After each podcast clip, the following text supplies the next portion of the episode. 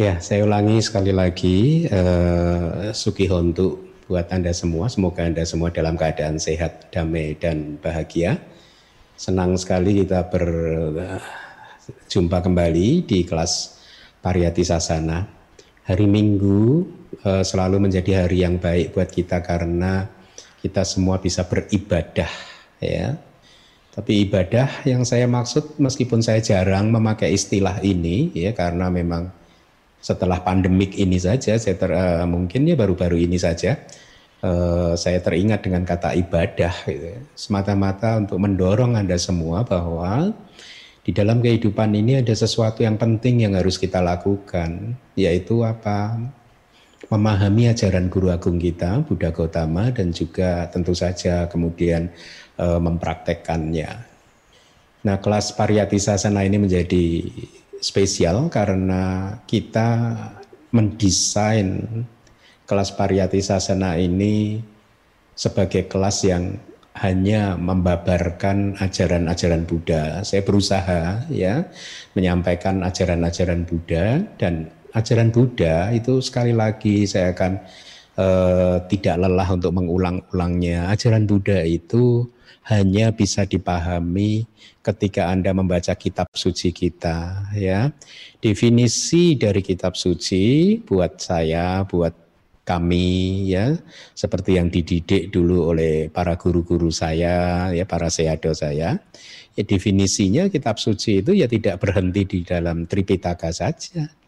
Tetapi juga harus sesuai dengan kitab komentar dan kitab sub komentar. Kenapa? Karena hampir mustahil membaca kitab suci Tripitaka saja tanpa bantuan komentar, tanpa bantuan penjelasan-penjelasan, itu ya. Uh, untuk diketahui bagi Anda semua yang tidak familiar dengan kitab komentar atau kitab subkomentar itu begini, strukturnya begini. Jadi di dalam setiap suta, setiap suta itu hampir semuanya ada komentarnya. Ya, jadi kitab yang disebut kitab komentar itu adalah penjelasan makna yang ada uh, terhadap apa yang ada di dalam Tripitaka.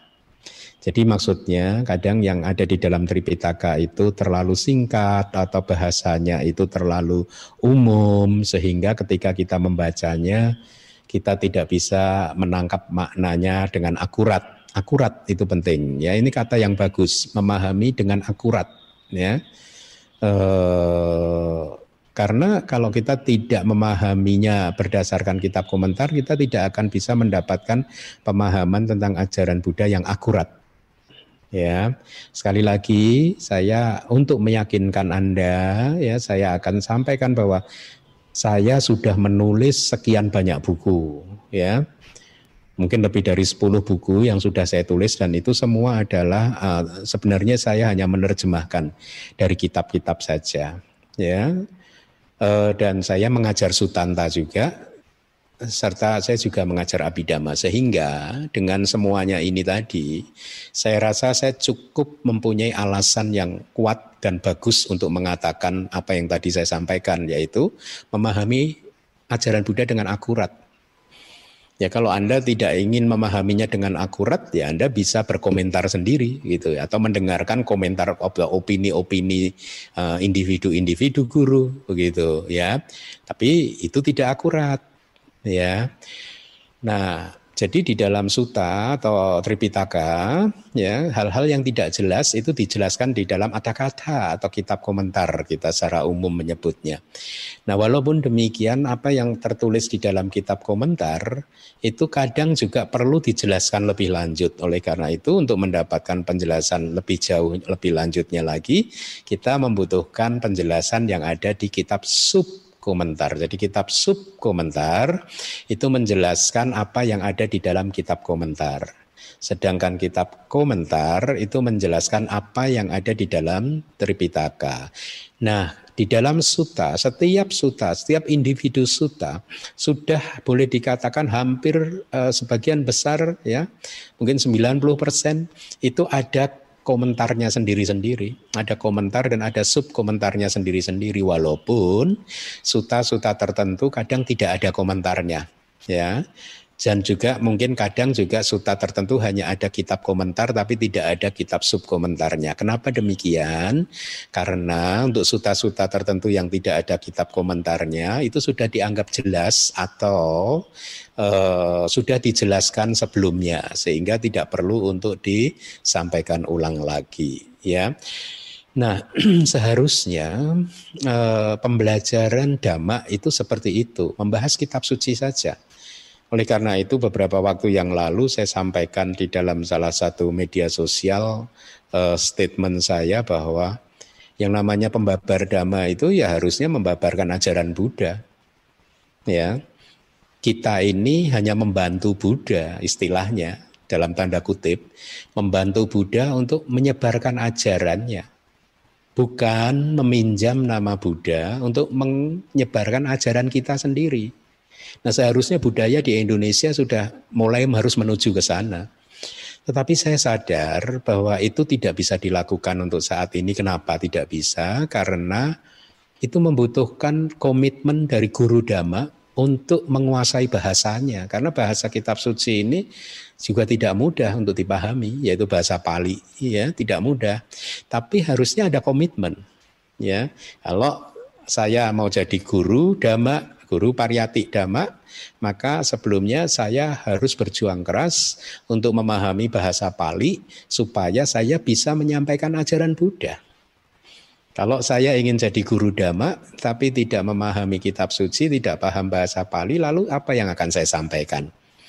Yaitu yang saya istilahkan berarti saya meminjam dalam tanda kutip meminjam nama Buddha untuk melindungi saya guna supaya saya bisa menyebarkan ajaran saya sendiri. Nah celakanya adalah uh, umat banyak yang tidak bisa membedakan ini ajaran ini akurat atau tidak. Ini ajaran ini sesuai dengan kitab suci atau tidak. Itu yang agak memprihatinkan. Jadi banyak umat yang bahkan tidak bisa mengetahui menilai bahwa yang disampaikan atau yang dia dengarkan itu ajaran yang sesuai kitab atau tidak, ajaran yang benar atau tidak. Ya. Sehingga kalau hal demikian itu yang terjadi menurut pendapat saya pribadi itu rugi, rugi dari sisi Anda yang mendengarkan. Kenapa? Karena Anda tidak mendengarkan ajaran dari Buddha. Kenapa? Karena hanya ajaran dari uh, kata-kata Buddha inilah yang mempunyai kekuatan untuk membawa kita keluar dari samsara. Ya, Anda masih ingat cerita tentang 500 kelelawar? Mereka bisa keluar dari samsara karena meskipun sebagai kelelawar, mereka mendengarkan kata-katanya Buddha. Yaitu uh, yang diulang oleh seorang biku yang tinggal di dalam gua yang sedang mengulang abidama. Itu itu yang dimaksud dengan terminologi Pali niyanika itu gitu niyanika gitu. E, mempunyai kemampuan untuk menuntun kita, mengarahkan kita, mengalirkan kita keluar dari arus samsara ini. Kata-kata yang bukan kata-kata Buddha belum tentu mempunyai hal-hal apa kemampuan yang seperti itu gitu ya. Nah ilustrasi 500 kelelawar tadi harusnya ilustrasi yang bagus. Jadi kembali lagi kalau kita mendengarkan kata-kata yang bukan Buddha, belum tentu itu bermanfaat buat kita sehingga akhirnya kita yang rugi. Kenapa rugi? Karena lahir jadi manusia seperti kita kali ini itu susah loh.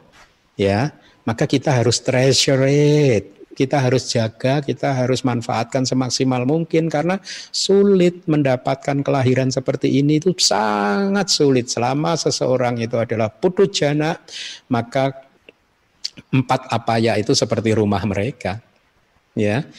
Jadi akan lebih banyak terlahir berputar-putar di salah satu atau semua berputar-putar di empat apa ya gitu. Nah berkaitan dengan hal yang saya sampaikan tadi saya teringat uh, beberapa tahun yang lalu sudah cukup lama saya sedang uh, berada dalam tour dengan umat dari luar negeri dan kebetulan waktu itu saya juga ditemani oleh uh, salah satu bantit sahabat saya yaitu Bante Wisuda ya.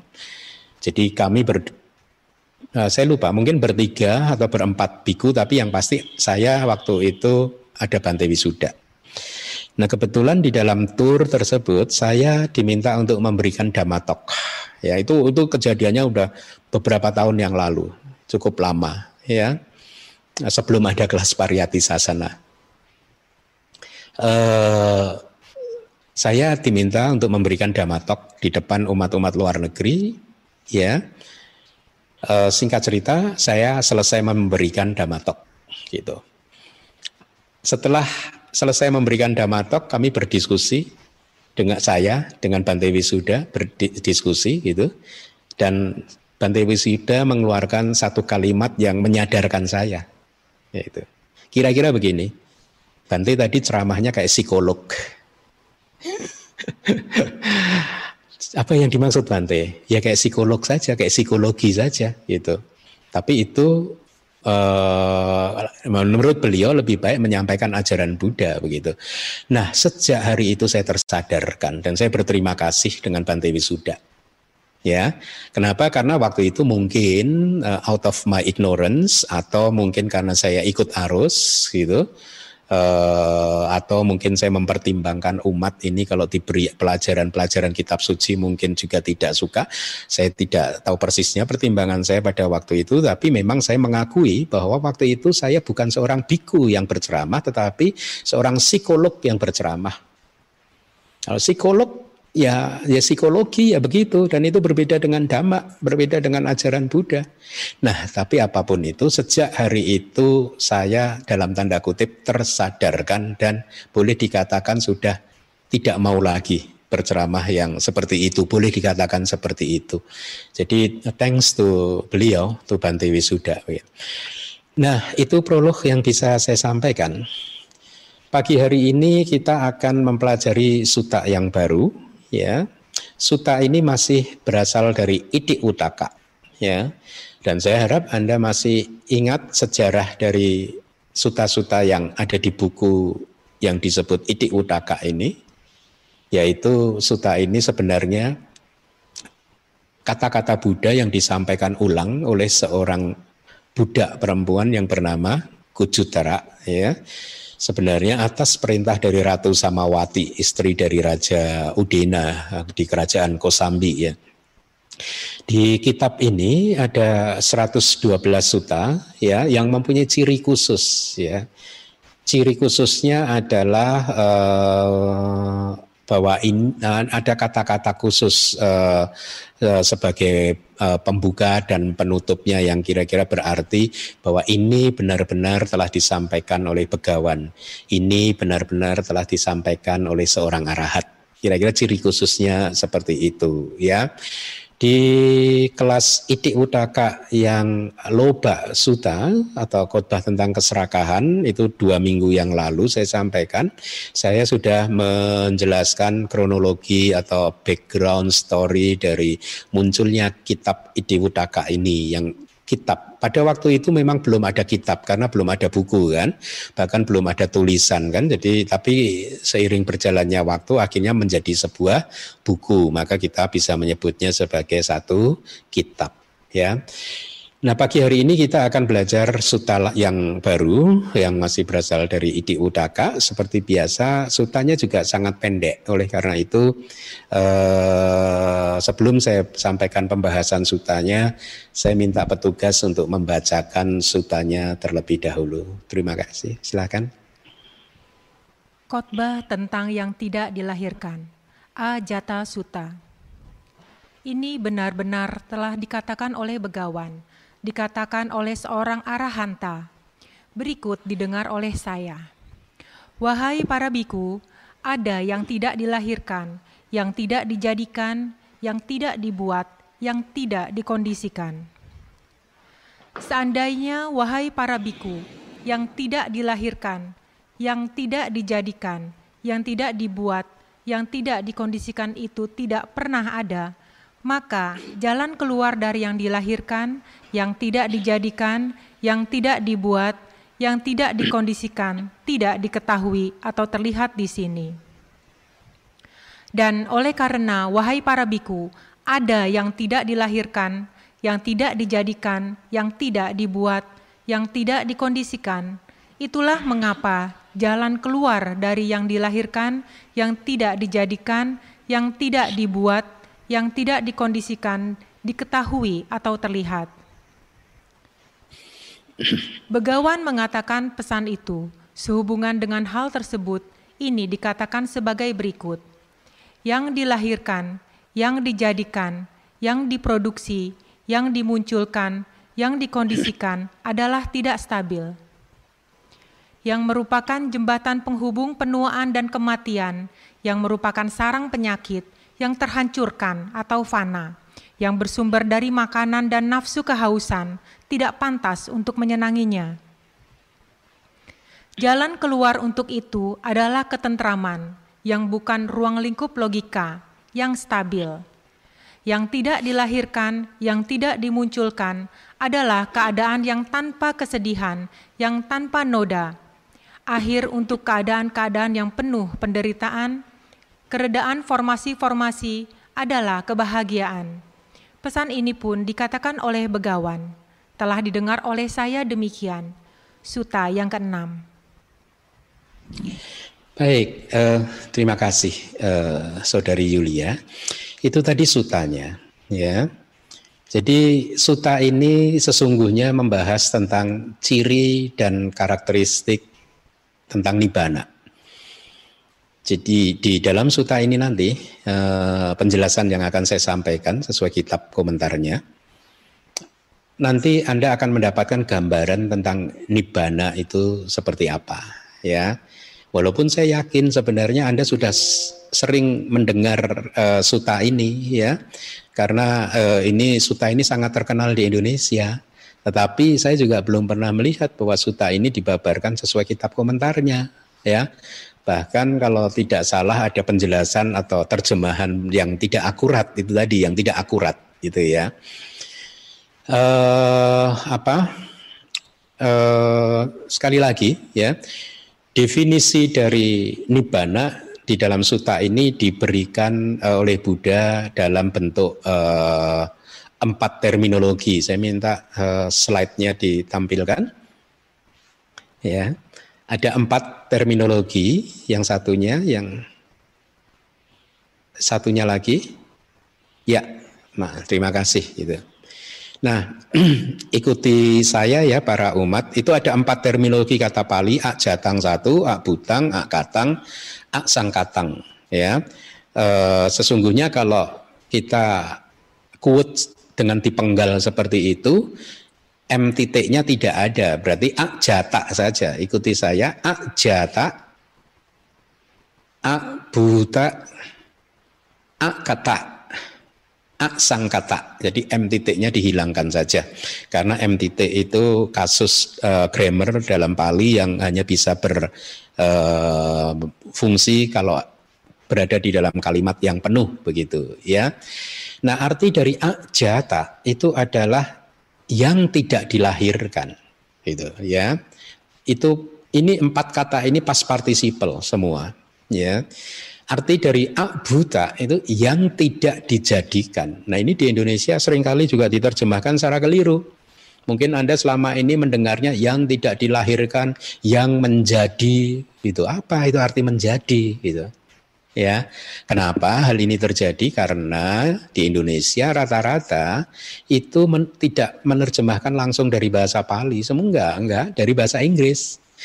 Dari bahasa Inggrisnya unbecome, Nah, penerjemah-penerjemah atau guru-guru di Indonesia yang pintar bahasa Inggris keliru menerjemahkannya. Unbecome menjadi tidak menjadi. Tetapi kalau bagi mereka yang paham bahasa Pali tentu hal itu terjemahan itu tidak benar. Kenapa? Karena a jata, a buta, a kata, a sangkata itu pas participle semuanya, grammarnya. Murid-murid bahasa Pali saya pasti sudah belajar ini pas participle dengan suffix tak itu kan makanya ada taknya semua kan a jata a buta a kata a sangkata itu jadi ada akhiran taknya itu. Itu tanda bahwa itu adalah past participle. Nah, pas participle memang bisa diterjemahkan dengan berbagai cara, tetapi ini tradisi kitab suci kita biasanya kalau ada satu seri kata seperti itu, itu kan ada empat kata, itu kalau satu itu pas participle atau tiga pas participle, maka semuanya pas participle. Ya, nah pas participle itu kalau Nah ini masalah grammar ya.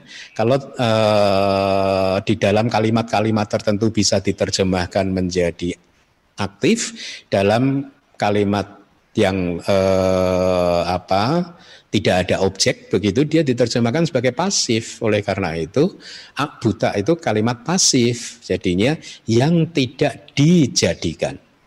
Kata itu yang tidak dibuat Kemudian aksang kata itu adalah yang tidak dikondisikan eh, begitu ya.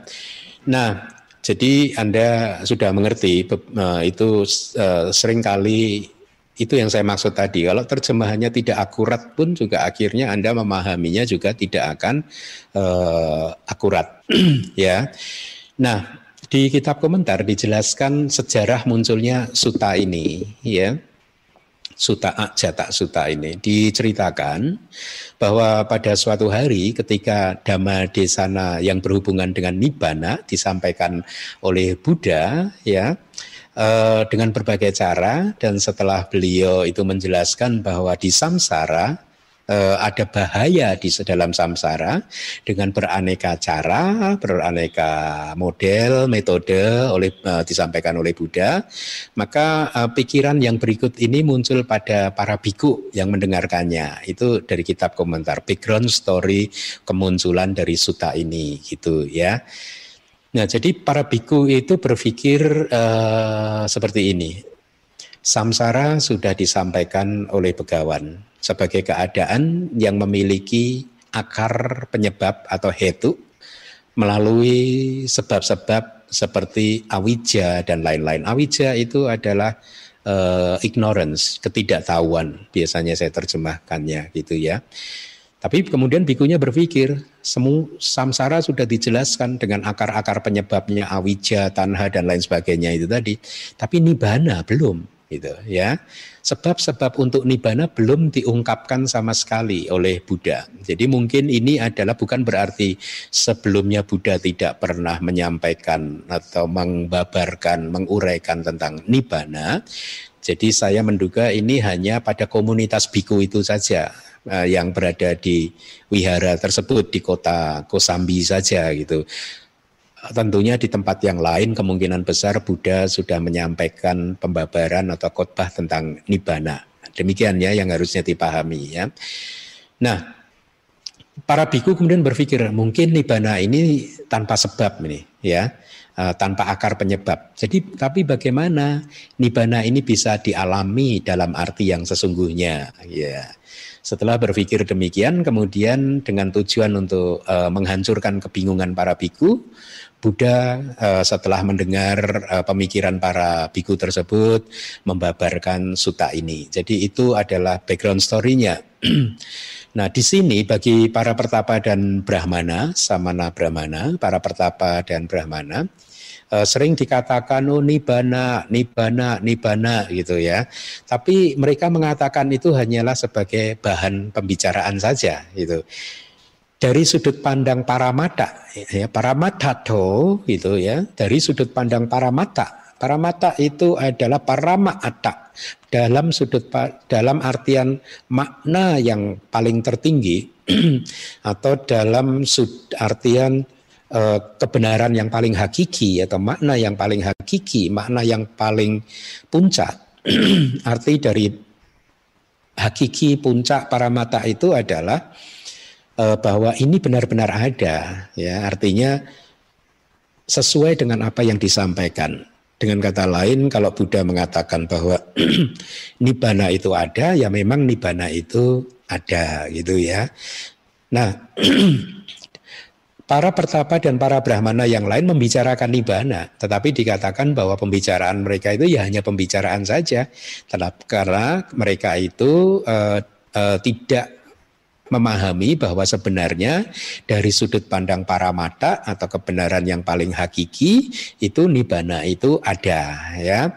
Kenapa para pertapa dan brahmana itu hanya membicarakan nibana tapi tidak memahaminya dalam konteks makna yang paling tertinggi? Kitab komentar menjelaskan itu semua karena mereka tidak memahami karakteristik alamiah dari nibana tersebut ya. Jadi selain untuk menghalau kebingungan para biku, Buddha kemudian membabarkan suta ini juga untuk menjelaskan eksistensi faktual dari nibbana dari sisi para mata. Para mata itu hakiki atau makna yang tertinggi gitu. Untuk menghancurkan ajaran yang salah yang memiliki banyak pandangan salah dari para pertapa di luar sasana. Jadi di luar ajaran Buddha yang menganggap nibbana itu hanyalah konsep yang tidak ada kenyataannya. Jadi Anda diperkenalkan dengan dua istilah abidama ini sebenarnya ya, yaitu konsep dan paramata. Konsep itu adalah sesuatu yang eksis, tapi eksisnya itu hanya berdasarkan kesepakatan saja. Tetapi dia sendiri sebenarnya tidak eksis karena dia adalah hasil dari gabungan dari banyak hal. Ya, apa pun di luar cita, kesadaran, cetasika, faktor mental, rupa, materi atau nibbana, semua hal di luar empat dhamma itu tadi itu disebut konsep. Jadi hanya ada di pikiran kita saja, tetapi sesungguhnya wujud nyatanya tidak ada. Tidak ada uh, yang disebut mobil, bantai keminda, kipas atau apa pun laptop, kamera dan lain sebagainya tidak ada karena itu semua adalah hasil bentukan dari banyak benda gitu ya. Tapi kembali lagi konsep itu dalam para artian yang tertinggi tidak ada. Tidak ada wujudnya. Itulah mengapa konsep tidak bisa dijadikan sebagai objek wipasana. Artinya bisa dijadikan objek pikiran, bisa dijadikan objek what so called vipassana ya. Tapi selama vipassana itu hanya mengambil objek konsep, maka tidak akan muncul pengetahuan-pengetahuan vipassana. Ketika pengetahuan vipassana tidak muncul, maka maga dan pala juga tidak akan bisa muncul.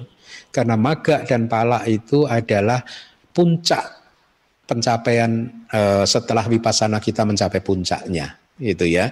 Nah, untuk bisa mencapai puncak wipasana maka pengetahuan wipasana ada 16 yang minggu lalu sudah saya sampaikan itu harus dicapai satu per satu gitu ya.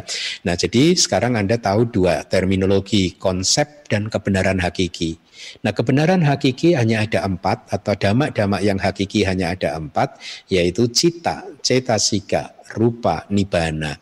Tiga yang pertama inilah yang menjadi objek wipasana kita, itu ya, untuk mencapai e, para mata dhamma yang keempat yaitu nibbana.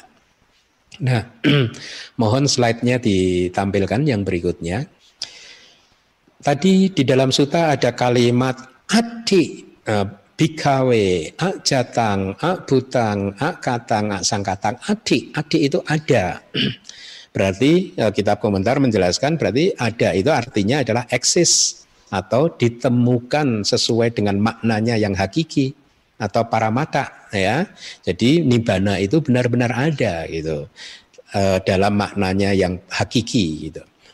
Nah, e, next slide yang tidak dilahirkan, yang tidak dijadikan, yang tidak dibuat, yang tidak dikondisikan. Sebenarnya semua kata ini adalah sinonim untuk satu dan yang lainnya atau alternatifnya eh, oleh karena nibana itu tidak dilahirkan, tidak muncul melalui persatuan sebab-sebab, ya artinya sebenarnya segala sesuatu di luar nibana ya segala sesuatu di luar nibana apa pun itu juga ya ini harus Anda pahami mereka itu muncul karena dikondisikan karena ada bersatunya berbagai sebab dan kondisi itu ya. Misalkan misalkan eh, apa pun jadi saya ulangi lagi apa pun selain nibana itu muncul karena adanya gabungan dari berbagai sebab dan kondisi atau dalam bahasa uh, sehari-harinya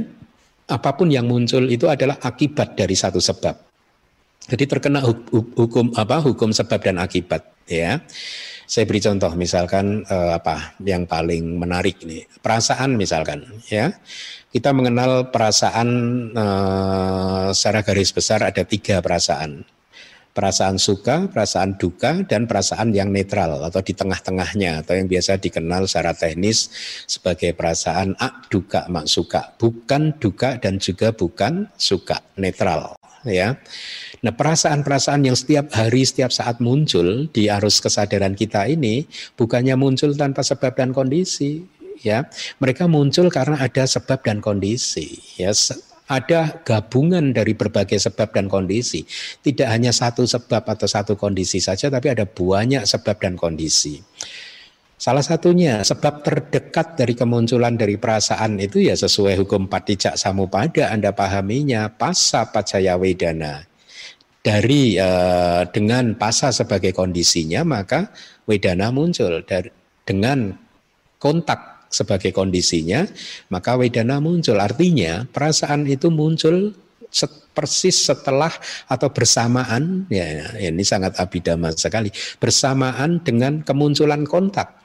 Kontak itu apa sih? Kontak itu adalah faktor mental yang merupakan membentur objek-objek uh, indera-indera kita. Jadi ketika Anda melihat dengan uh, indera mata Anda, maka pada saat itu terjadi benturan antara faktor mental yang disebut kontak dengan objek yang Anda lihat dan ketika itu terjadi benturan, ketika itu pula perasaan itu muncul gitu. Atau perasaan muncul bisa juga beras, uh, dikondisikan dari sebab-sebab yang lain, misalkan persepsi, ya. Kalau persepsi Anda berubah, perasaan yang muncul berubah, ya Anda boleh melakukan uji coba. Katakanlah coba Anda saat ini mempersepsikan pasangan Anda sebagai pasangan yang menyenangkan, maka perasaan bahagia atau suka muncul. Tapi ketika persepsi Anda Anda rubah pasangan Anda itu menjengkelkan, maka perasaan yang duka yang muncul. Padahal objeknya sama. Ya, Pak, objeknya adalah suami atau istri Anda. Tapi persepsi Anda berubah, perasaan yang muncul juga berubah. Jadi ada banyak hal-hal yang lain yang membuat perasaan ini muncul dan itulah mengapa perasaan adalah eh, dhamma yang dibentuk oleh berbagai macam eh, kondisi gitu atau muncul karena persatuan dari banyak sebab dan kondisi atau kombinasi dari sebab dan kondisi gitu. Nah, jadi eh, karena nibana ini tidak dilahirkan oleh sebab-sebab dan kondisi-kondisi yang seperti saya ilustrasikan tadi, seperti halnya perasaan tadi, nibana tidak seperti itu, nibana tidak dilahirkan oleh kondisi dan sebab, maka nibana disebut sebagai yang tidak dilahirkan gitu ya. Nah, eh, kemudian perasaan juga muncul karena ada gabungan sebab dan kondisi eh, tadi ya eh, tentang perasaan itu kesadaran itu juga bisa menjadi sebab dan kondisi dan eh, ada banyak damak-damak yang lain yang eh, eh, kita tidak akan membahasnya di sini, tetapi poinnya yang ingin saya anda pahami bahwa segala sesuatu selain nibana itu dilahirkan Dilahirkan oleh siapa?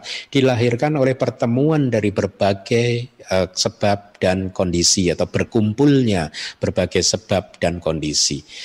Oleh karena nibana itu tidak pernah diproduksi, nibana juga tidak pernah diwujud, uh, tidak pernah menjadi berwujud, gitu, tidak pernah muncul, maka nibana disebut sebagai yang tidak dijadikan ya butang. Jadi ini definisi-definisinya untuk yang kedua.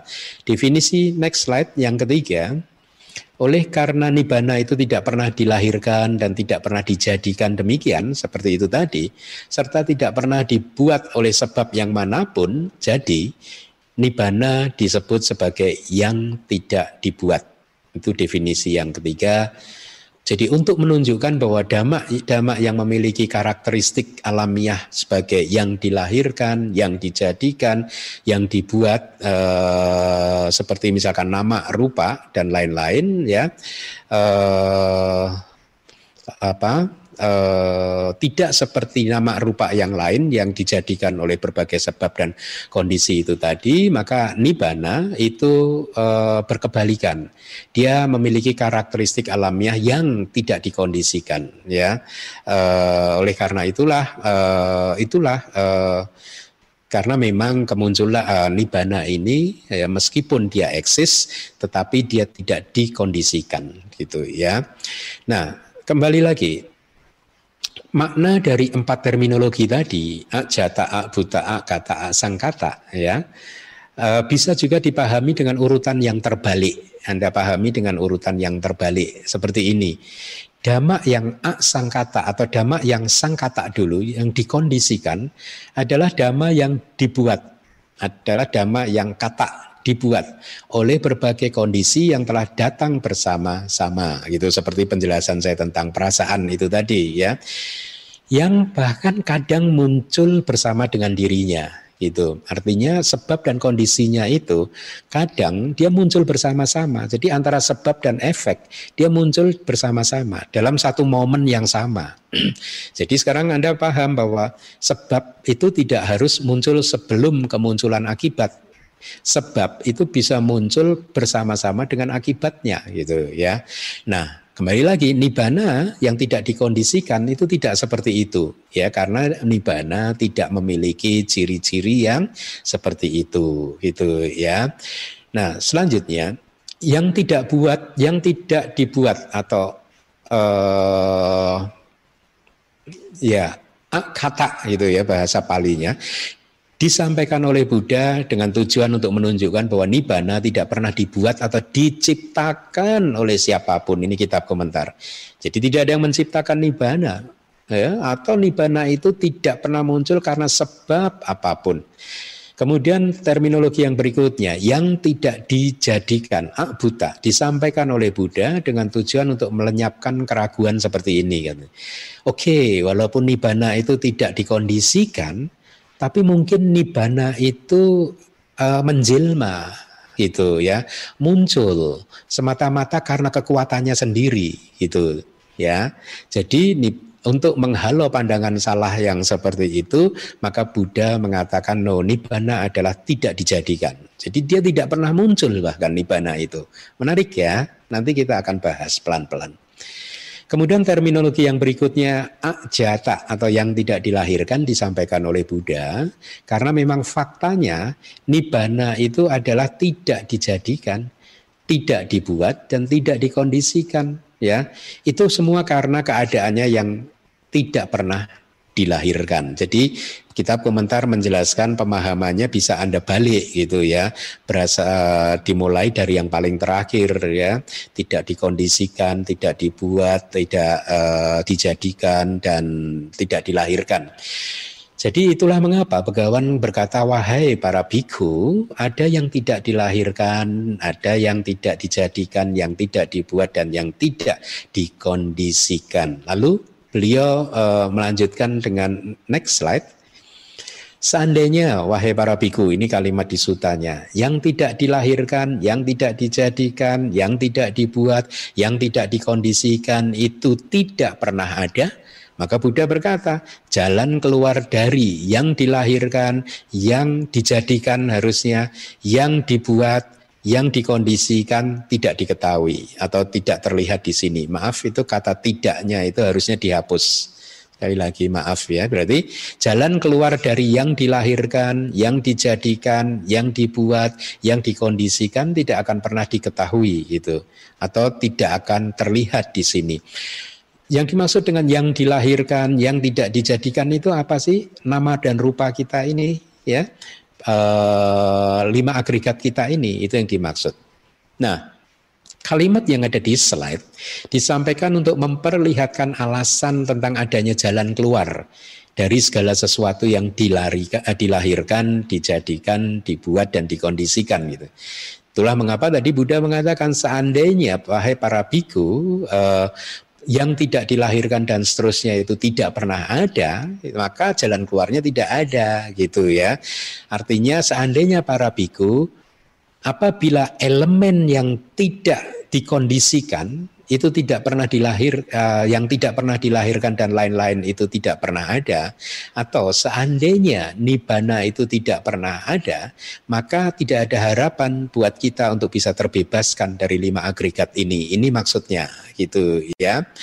Tidak ada jalan keluar untuk pencerahan ya. Tetapi untung karena ada nibana maka ada jalan keluarnya nah oleh karena damak-damak yang berasosiasi dengan jalan-jalan Arya seperti pandangan benar, pikiran benar, atau jalan mulia berunsur delapan, yang lain-lainnya, yang sedang berlangsung itu dengan membuat nibana sebagai objek, menghancurkan kilesa-kilesa tanpa sisa. Jadi maksudnya begini, jalan eh, damak yang berasosiasi dengan jalan mulia berunsur delapan, di sini yang dimaksud adalah kesadaran jalan, maga cita ya.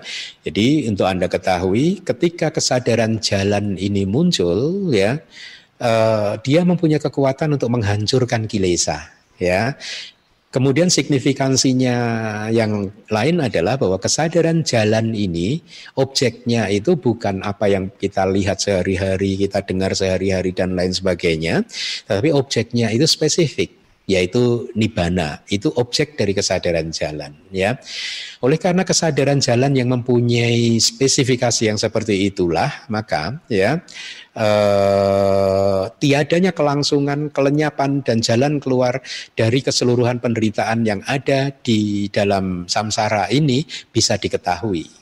Ya, jadi oleh karena ada kesadaran yang mengambil nibana sebagai objek yang mempunyai kekuatan untuk menghancurkan kilesa, maka jalan keluar da, uh, untuk keluar dari samsara ini diketahui itu ya ada jalan keluarnya kita bisa terbebas dari pancakanda ini kita bisa terbebas dari kilesa-kilesa ini nah setelah memperlihatkan eksistensi nibbana dengan definisi yang negatif tadi itu dikatakan di kitab komentar sebagai definisi yang negatif. Artinya negatif itu karena memang tadi kan ak jata, ak buta itu negatif semua.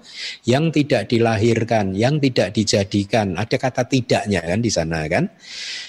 E, maka kemudian kalimat dan oleh karena Buddha mengatakan dengan kalimat berikutnya di dalam suta oleh karena wahai para biku, ada yang tidak dilahirkan, ada yang tidak dijadikan, ada yang tidak dibuat, ada yang tidak dikondisikan. Itulah mengapa jalan keluar dari yang dilahirkan, yang tidak dijadikan, yang tidak dibuat, yang tidak dikondisikan itu diketahui atau terlihat maka kalimat itu disampaikan oleh Buddha. Dan karena fakta faktualnya atau secara faktanya keberadaan nibbana itu sudah diajarkan uh, atau secara aktual sudah diajarkan oleh Buddha di suta-suta ya uh, yang lain baik itu di Abhidhamma Pitaka maupun Sutta Pitaka gitu. Bahkan kitab komentar kadang juga menyebut Abhidhamma itu suta juga ya e, maka seharusnya suta ini tidak membuat seseorang ragu ya. Artinya dengan kata lain seharusnya suta ini e, tidak ditolak oleh eh, orang-orang ya. Saya menduga mungkin pada waktu komentar ini dibuat ada beberapa mungkin dari aliran di luar Buddha atau bahkan mungkin juga murid Buddha sendiri yang menolaknya begitu ya masa sih Bante ada murid Buddha, para biku menolak ajaran Buddha? Iya ada, di masa lalu banyak ada. Dan sampai hari ini juga banyak gitu kan. Anda tahu kan? Ya ada gerakan misalkan, oh ajaran Buddha itu ya hanya yang early Buddhism saja, yang di luar early Buddhism itu bukan ajaran Buddha. Gerakan menolak itu juga ada gitu ya. Saya harap kita tidak perlu ikut-ikutan gerakan-gerakan yang seperti itu gitu ya. Nah, jadi eh, kita komentar kembali lagi memberikan penjelasan yang logis seperti ini.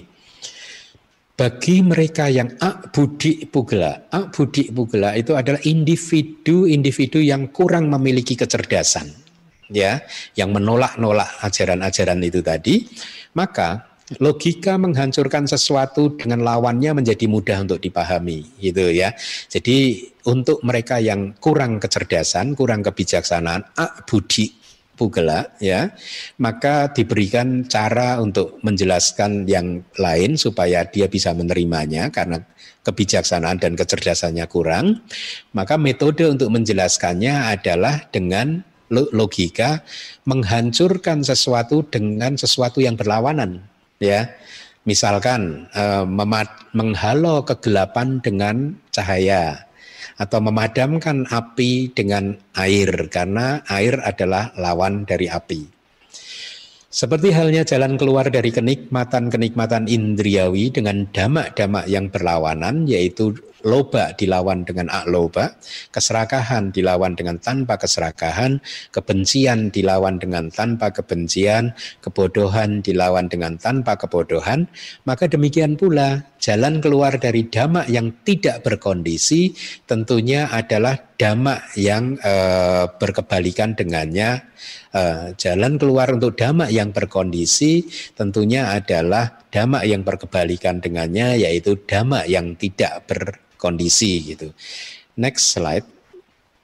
Ada terminologi lain yaitu aksangkata datu atau Anda terjemahkan jadi elemen yang tidak dikondisikan yaitu nibana. Itu adalah lawan untuk segala dhamma yang berkondisi.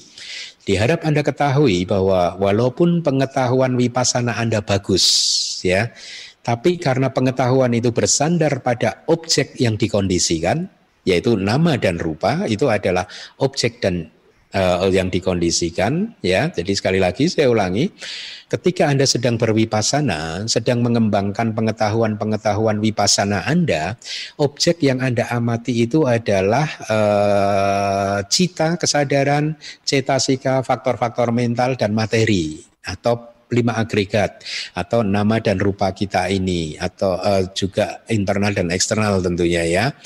Nah, uh, nama dan rupa ini adalah objek yang dikondisikan ya.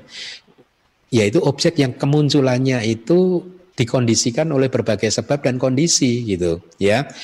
Nah, pengetahuan yang bersandar pada objek yang dikondisikan tersebut tidak akan mampu untuk menghancurkan kilesa melalui jalan pemusnahan atau melalui jalan penghancuran total sehingga kilesa-kilesa itu tidak bisa muncul lagi, tidak bisa. Nah, ini ini dari kitab komentar. Jadi kalau wipasana kita masih terus berwipasana, maka kita sedang mengembangkan jalan eh, kesadaran jalan apa?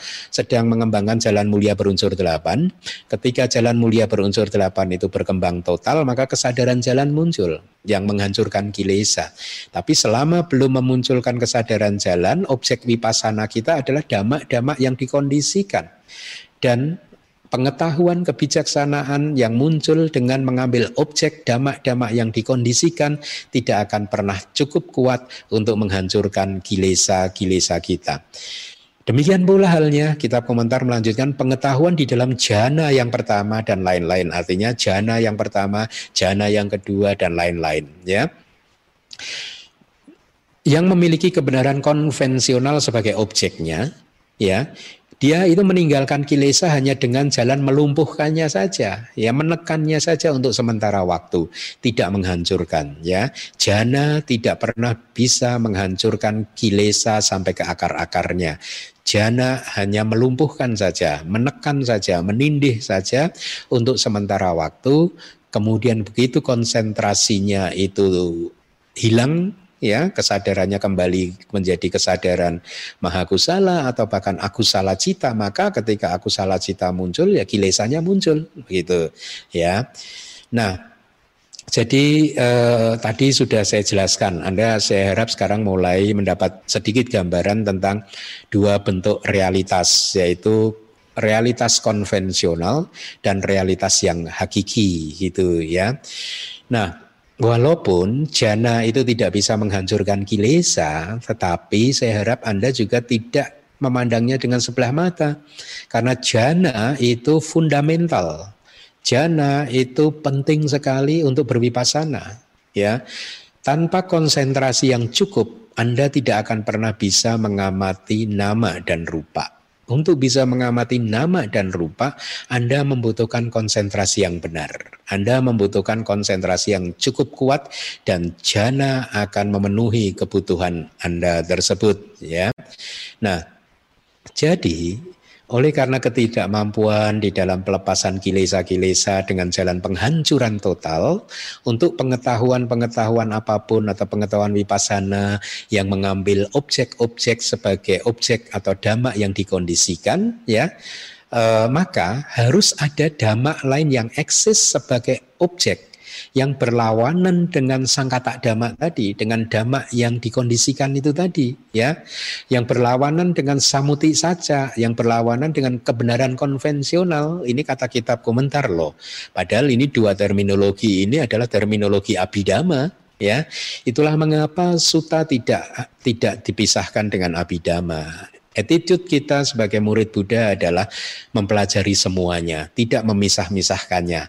Ya, tidak Ketika Anda hanya suka suta, maka Anda hanya belajar suta dan menolak abidama. Ketika Anda suka abidama, Anda hanya belajar abidama dan menolak suta. Tidak demikian. Bisuta dan abidama harus dipelajari semuanya karena keduanya itu saling melengkapi, gitu ya. Nah, kembali lagi.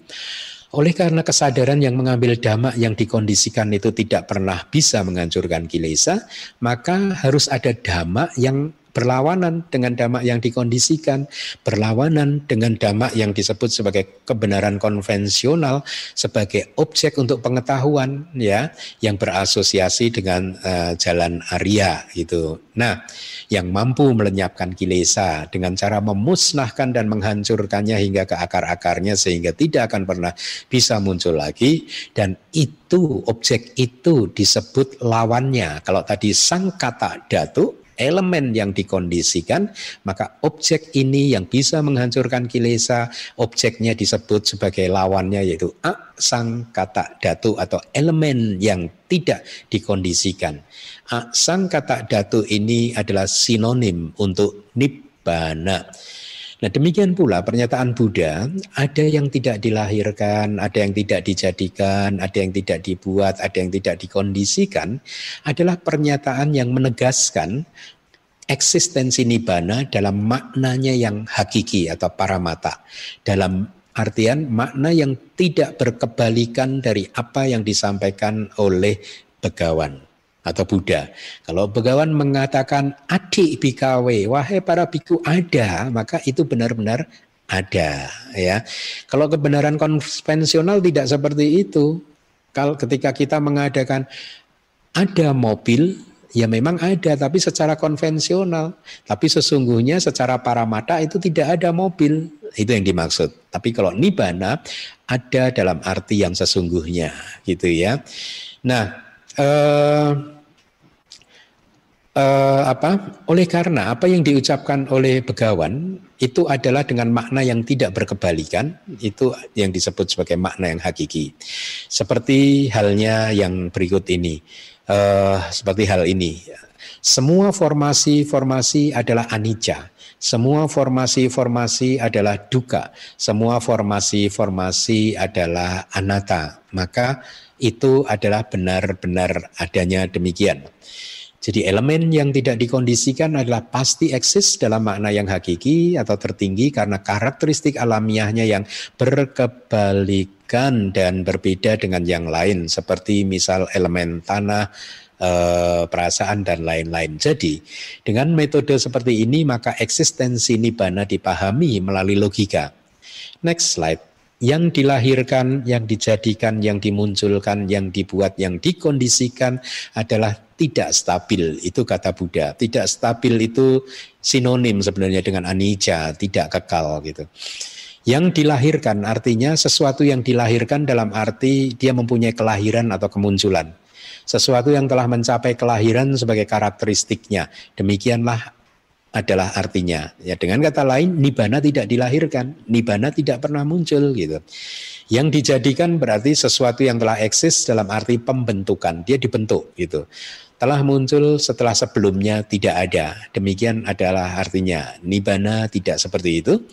Yang dimunculkan berarti dimunculkan oleh kondisi yang bersatu dengannya dan yang telah dimunculkan oleh damak-damak yang menyertainya. Demikianlah adalah artinya.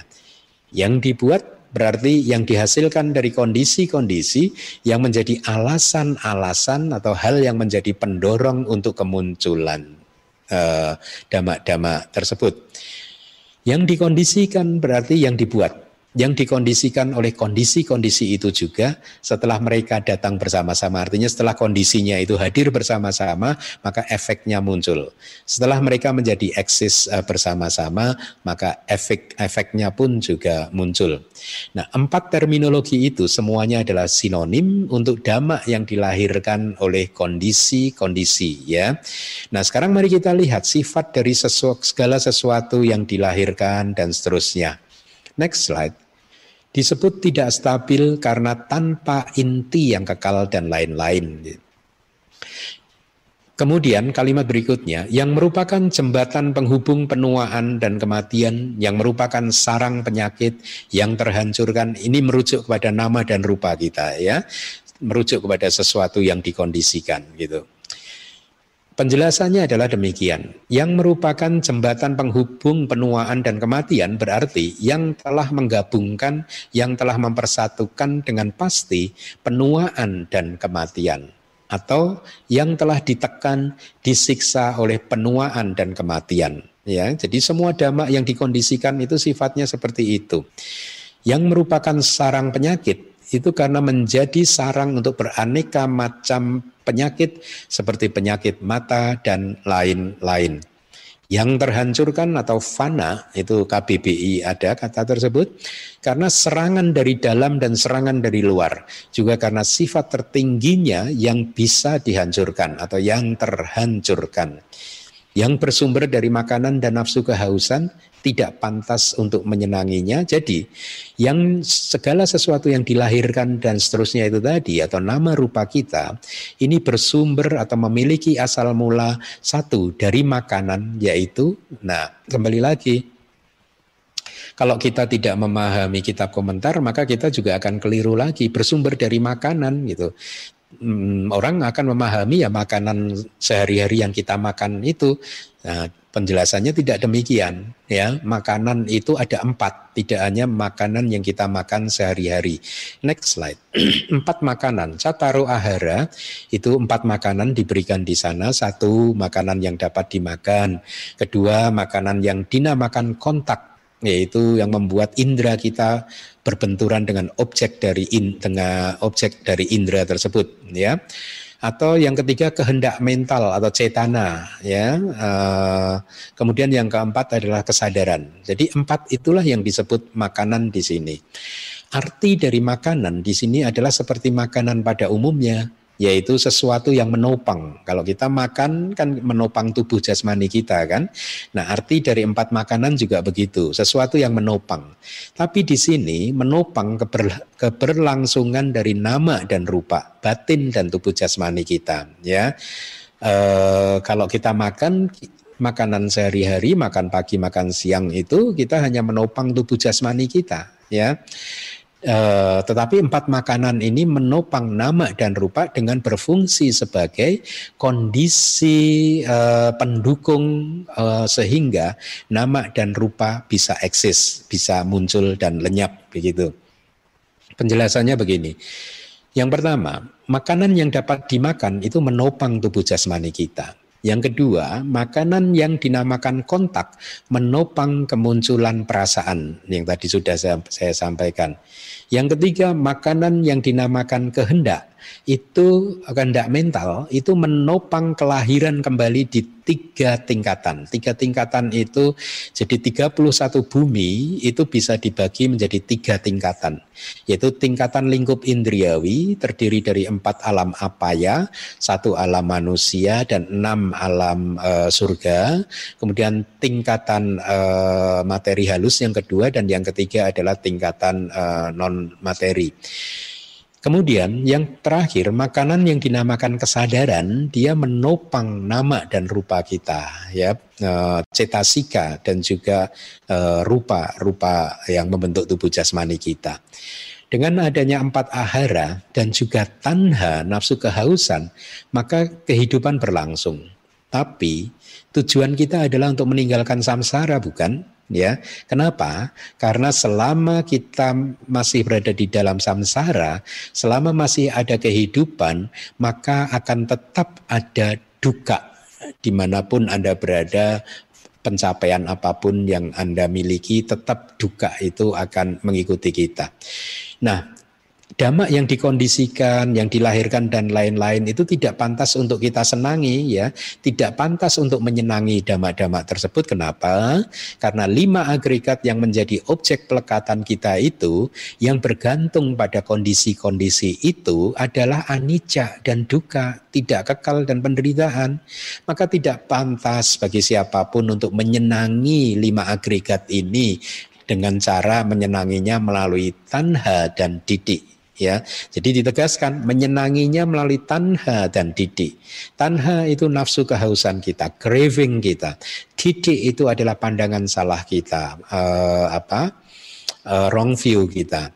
Tapi kalau kita menyenangi dengan kebijaksanaan, oh, dengan nama dan rupa ini saya akan berjuang untuk bisa merealisasi dhamma yang tidak dikondisikan, maka itu tidak disalahkan gitu maka itulah mengapa kehidupan pun juga harus kita jaga nama dan rupa ini pun juga harus kita rawat. Kenapa? Karena kita membutuhkan nama dan rupa ini untuk bermeditasi, untuk bisa merealisasi dhamma yang tidak dikondisikan, yaitu nibbana. Next slide.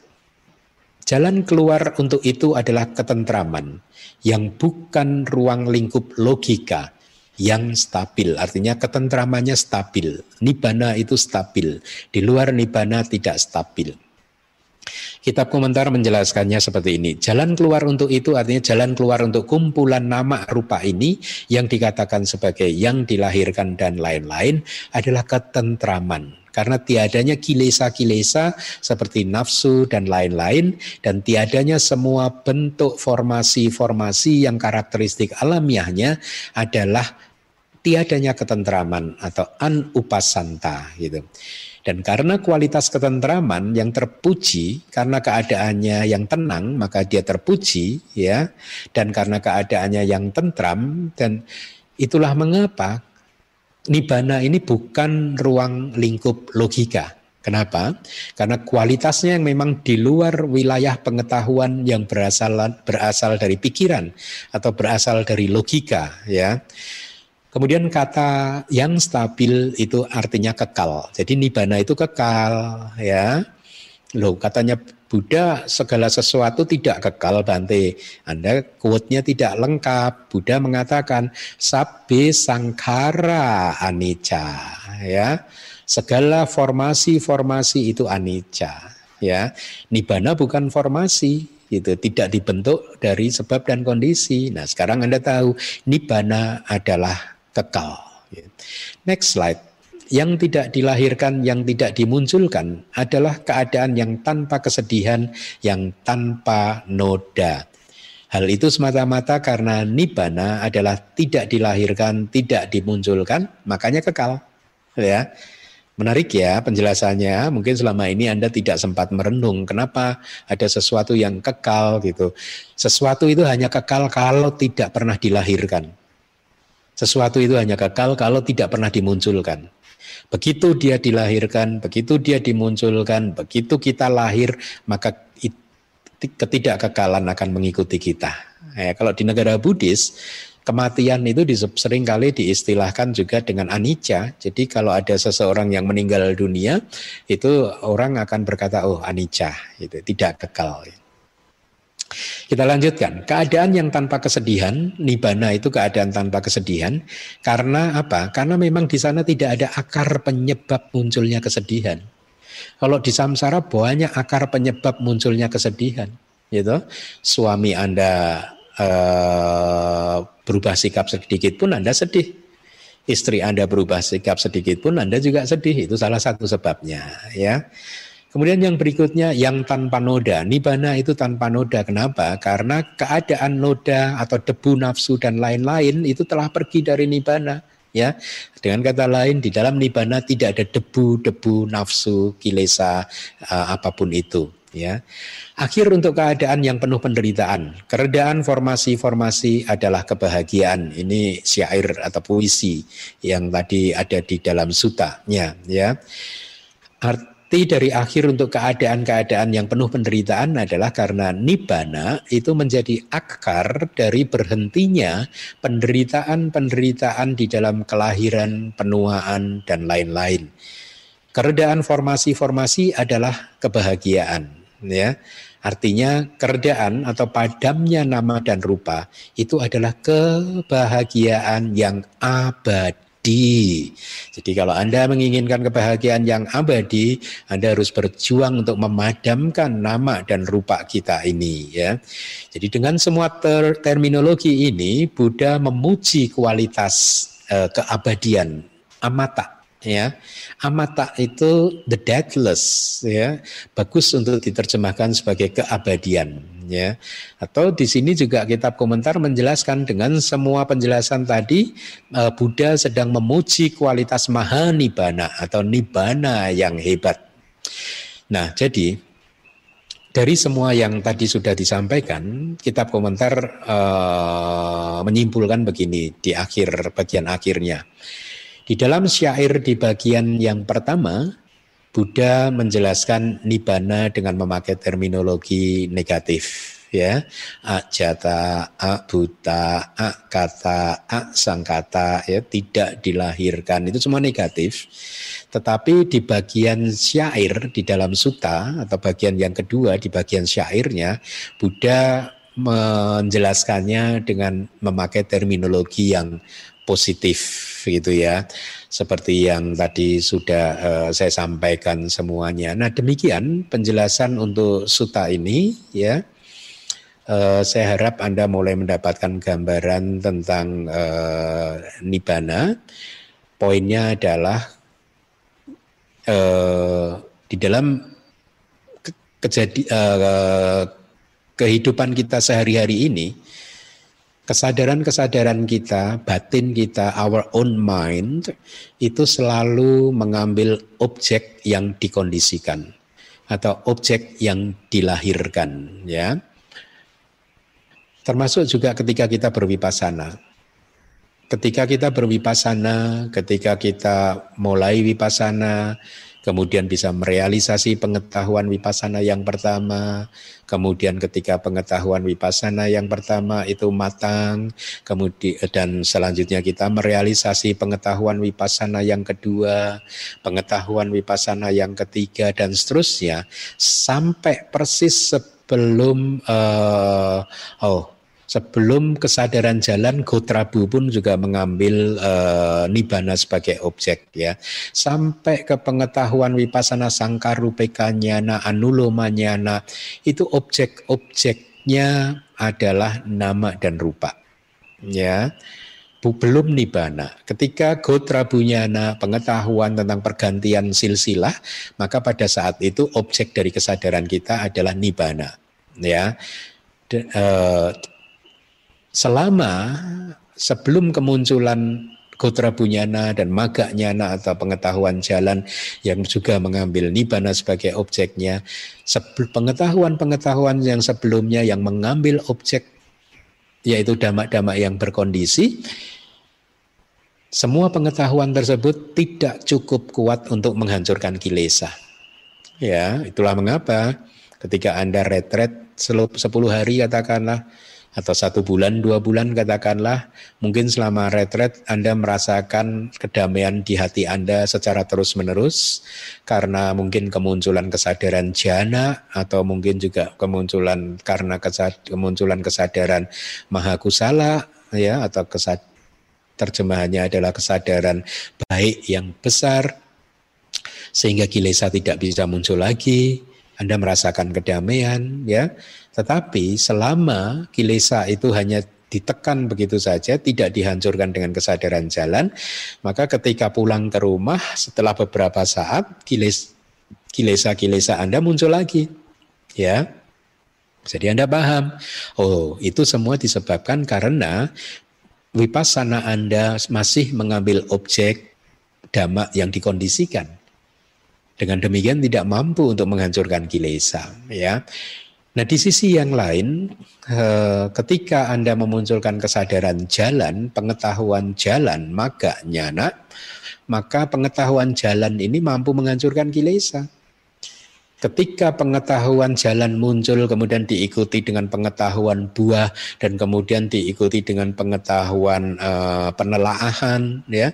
Setelah itu Anda keluar dari meditasi pencapaian jana Anda, maka setelah keluar sejak Anda keluar Anda sudah menjadi seorang Arya tergantung dengan pencapaian tingkat uh, kesucian Anda dari ting pencapaian tingkat kesucian tersebut maka kilesa-kilesa dihancurkan ya sesuai dengan levelnya masing-masing. Kalau kejadiannya adalah seperti itu, maka kilesa-kilesa yang dihancurkan itu sifatnya permanen, artinya tidak bisa muncul lagi. Dan ketika Anda pulang, Anda berubah. Ya, itu banyak terjadi di uh, Myanmar ya.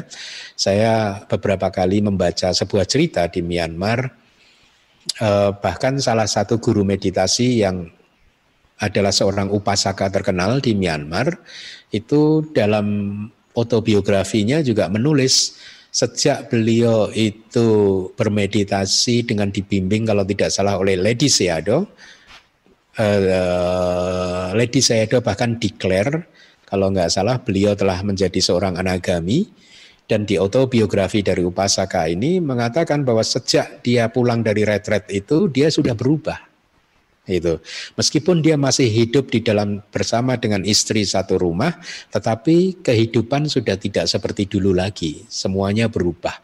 Kenapa? Karena dia adalah seorang anagami yang nafsu-nafsu indriawinya sudah hancur ya. Itulah mengapa kilesa-kilesa itu tidak pernah bisa muncul lagi dan itulah mengapa kehidupan rumah tangga dia juga berubah.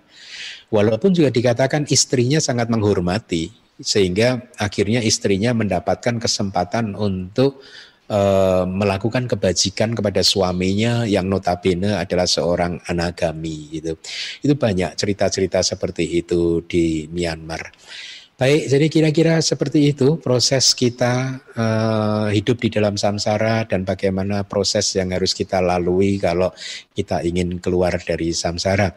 Semoga penjelasan yang saya sampaikan dari kitab komentar ini bermanfaat buat Anda, mempunyai kekuatan untuk menuntun Anda, mengarahkan Anda keluar dari samsara.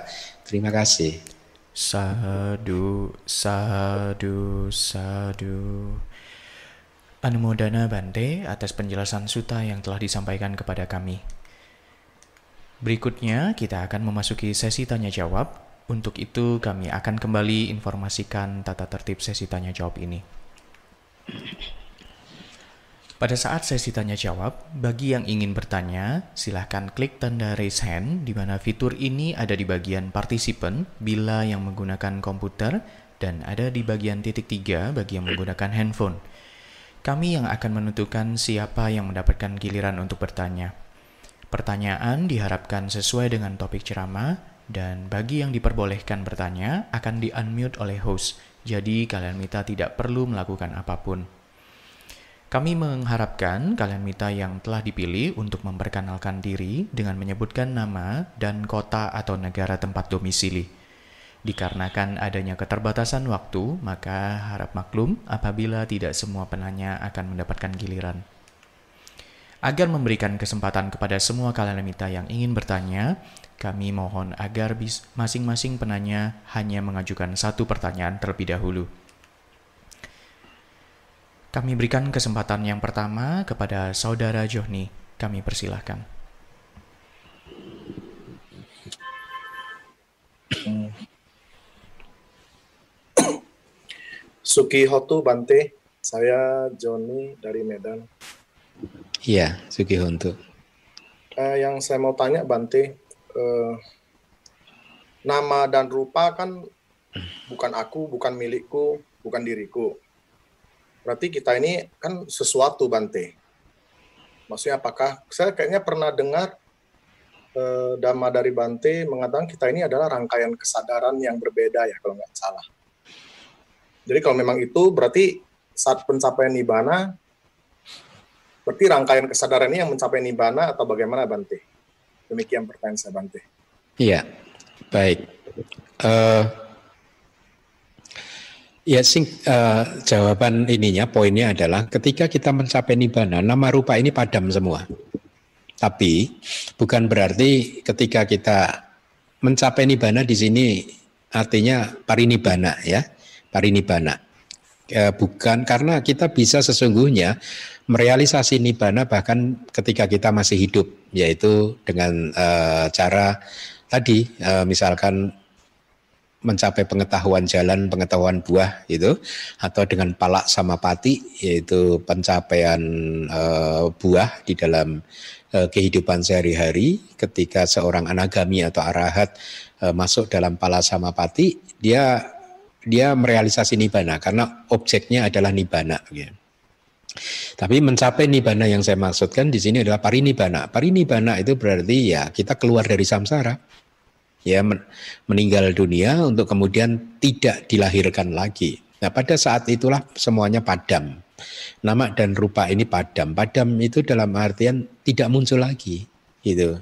Karena selama nama dan rupa ini masih muncul, maka itu masih dhamma yang dikondisikan gitu ya. Tapi walaupun dikatakan demikian, nibana itu bukan uceda. Uh, uceda itu pemusnahan, bukan. Bukan berarti bahwa setelah seseorang itu parinibana, maka di sana dia musnah total, tidak. Ya, di sana ada satu elemen, elemen uh, tertentu, ya, tapi ini tadi itu di luar dari logika kita, gitu.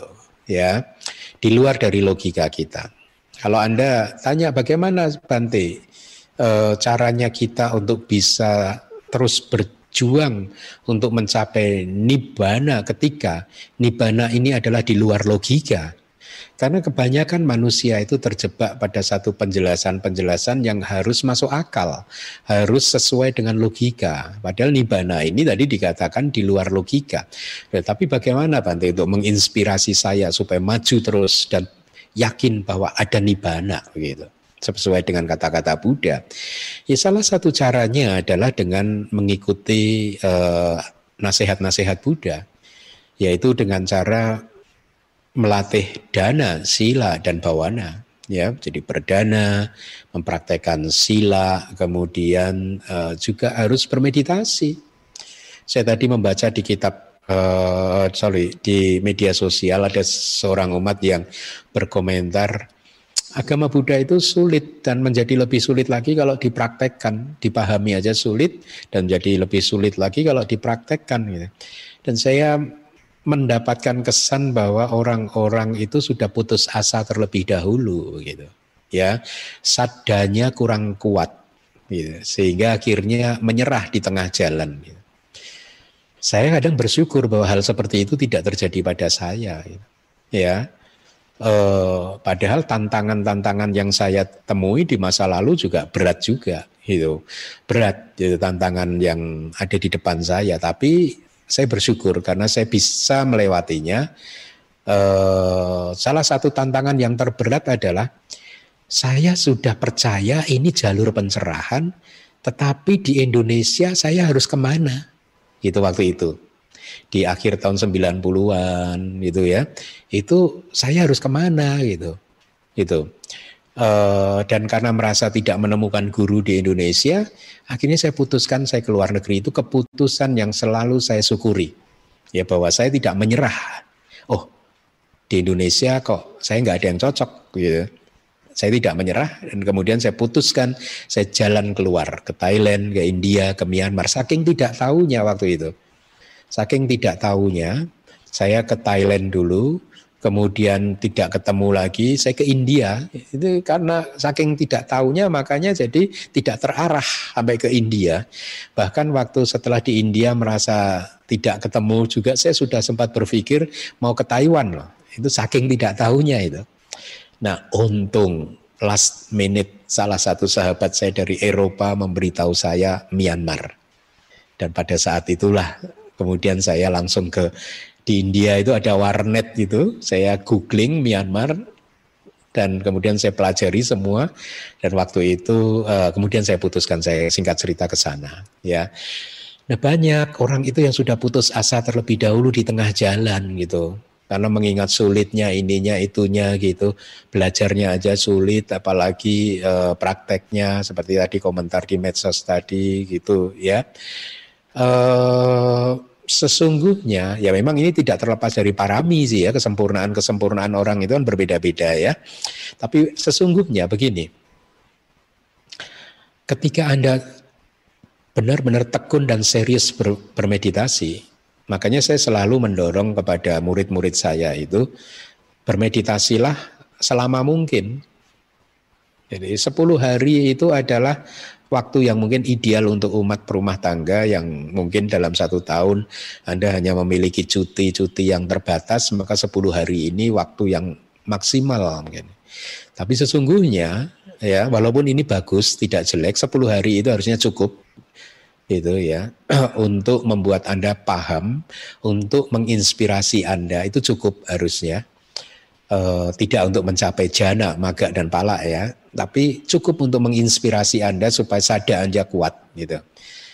Ya, lebih panjang lebih bagus tentunya gitu. Lebih lama dari 10 hari tentunya lebih bagus. Nah, ketika Anda bermeditasi untuk atau retret dalam jangka waktu yang cukup, Anda pelan-pelan akan mulai mengembangkan konsentrasi Anda. ya. Konsentrasi Anda akan berkembang. Dan Anda akan mengamati kualitas dari nama dan rupa Anda, terutama khususnya mungkin uh, kesadaran Anda atau batin Anda. Anda akan mulai melihat bahwa ternyata semakin konsentrasi ini berkembang, semakin damai hati saya. Semakin konsentrasi ini berkembang, semakin jarang kilesa-kilesa ini muncul. Semakin konsentrasi ini berkembang, semakin kalaupun kilesa itu muncul, dia semakin cepat untuk lenyap kembali.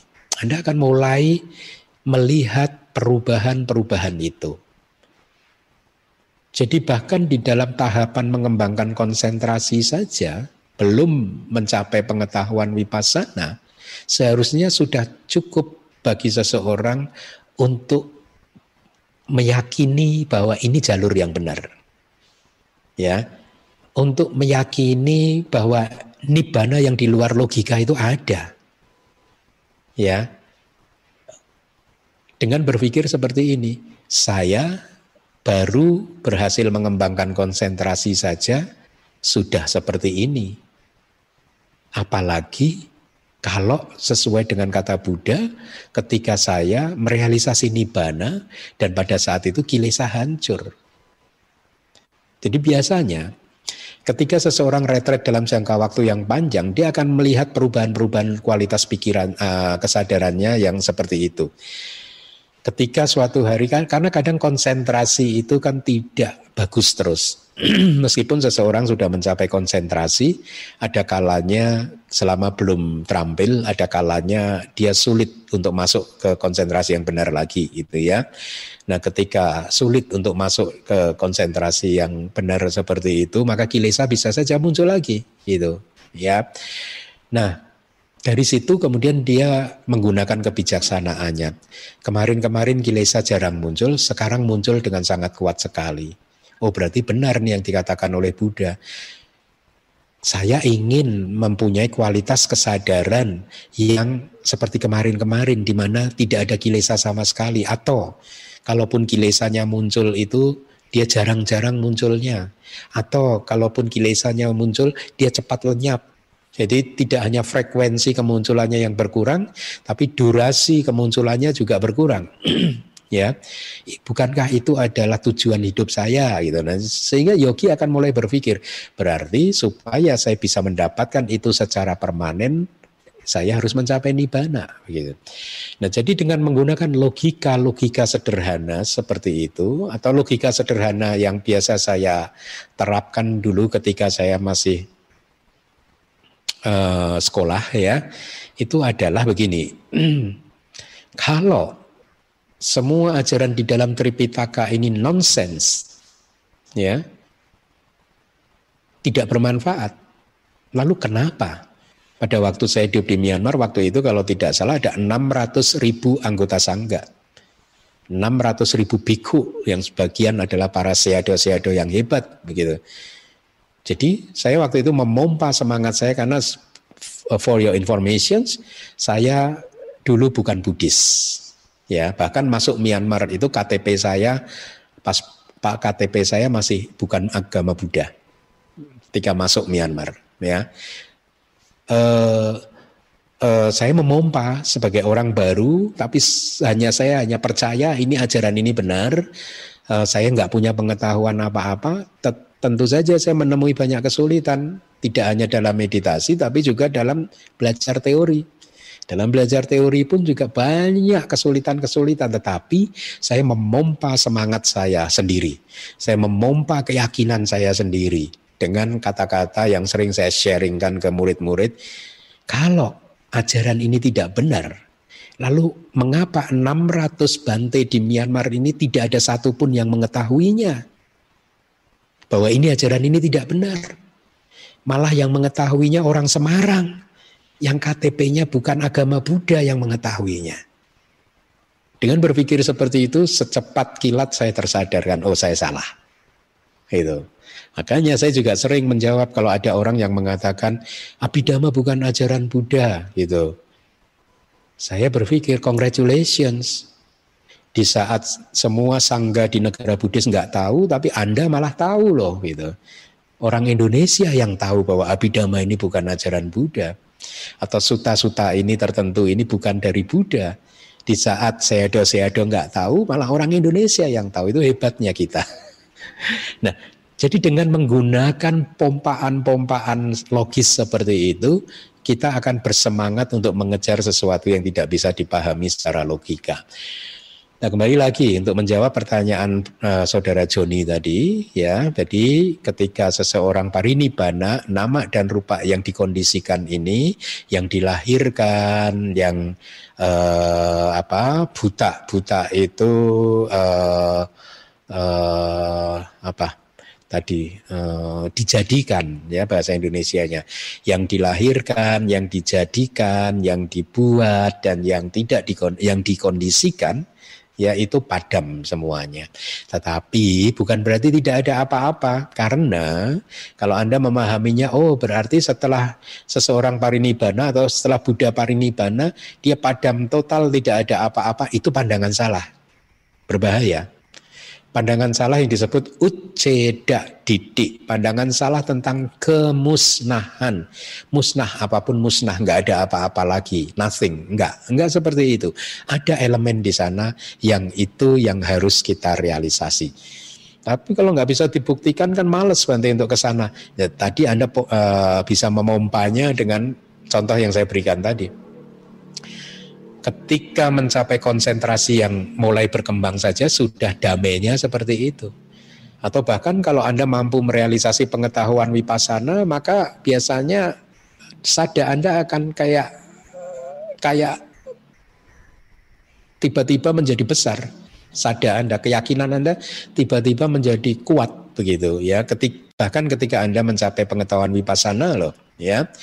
Eh, sada Anda akan menjadi kuat dan Anda juga akan berpikir baru di sini saja sudah damainya seperti ini. Apalagi kalau saya mencapai nibbana ya. Jadi demikian jawaban dari saya. Mudah-mudahan bermanfaat untuk saudara Joni dan yang lain-lainnya. Terima kasih.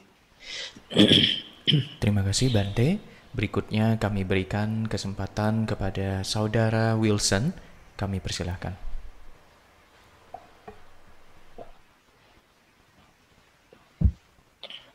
Seperti itu Bante.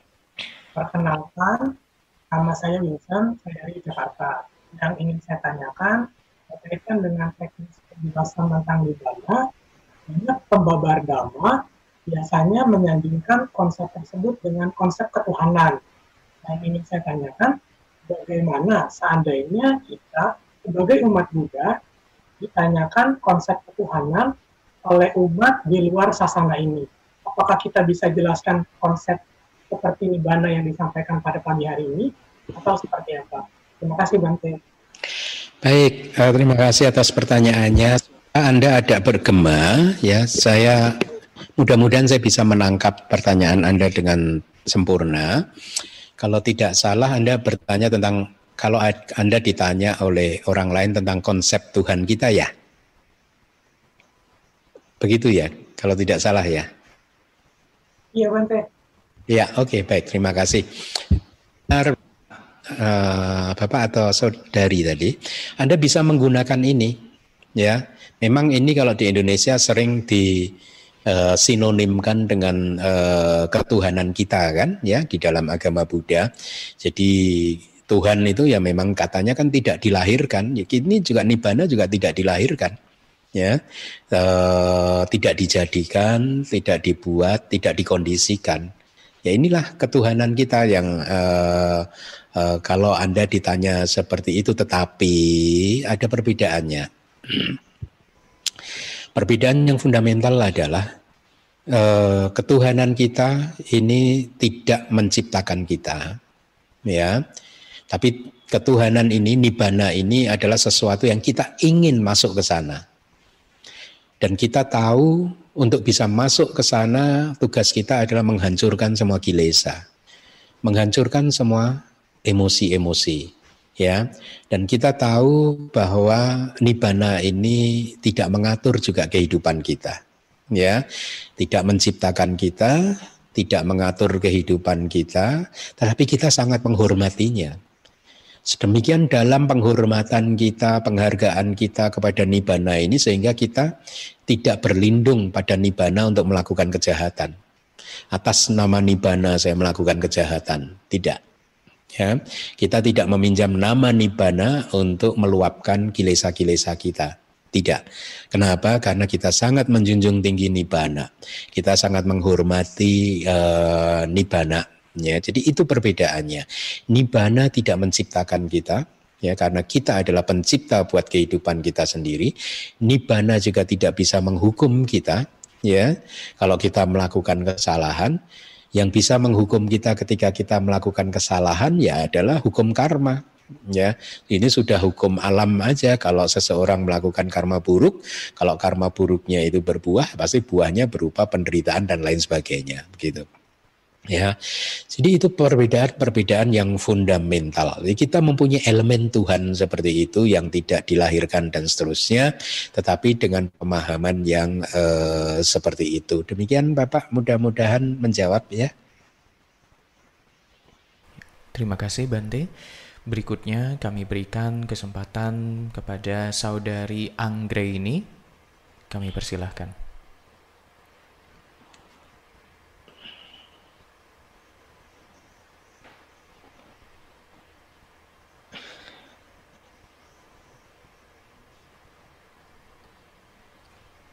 Tidak dengar ya. Oke, sepertinya tidak dengar Bante. Berikutnya kami berikan kesempatan kepada saudari Carol Kaunak. Kami persilahkan untuk bertanya.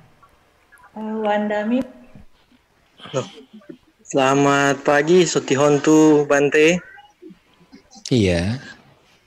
Sugihontu. Saya ingin ber, saya ingin bertanya Mungkin ada kaitannya juga dengan yang minggu lalu. Tetapi ya, kita sekarang belajar tentang hmm, yang tidak terlihat, yang tak ya yang tidak dilahirkan. Kita juga mau mengikis kilesa-kilesa. Bagaimana kalau kita mau mengikis kilesa berarti kita mau semakin mengarahkan fokus kita, perhatian kita pada yang tak dilahirkan itu dengan cara kita juga tidak mau mengkonsumsi yang dilahirkan. Justru tidak mengkonsumsi yang dilahirkan. Jadi yang kita konsumsi itu yang tumbuh saja. Superfood ya eh real food. Ya, real food. Dan bagaimana juga kalau kita mau mengajak yang lain untuk sama dengan prinsip ini. Agar sabe sata bavantu sukitata.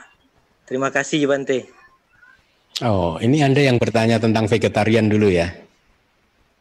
Oh iya, pernah, pernah. Ya, ya, ya, oke, oke.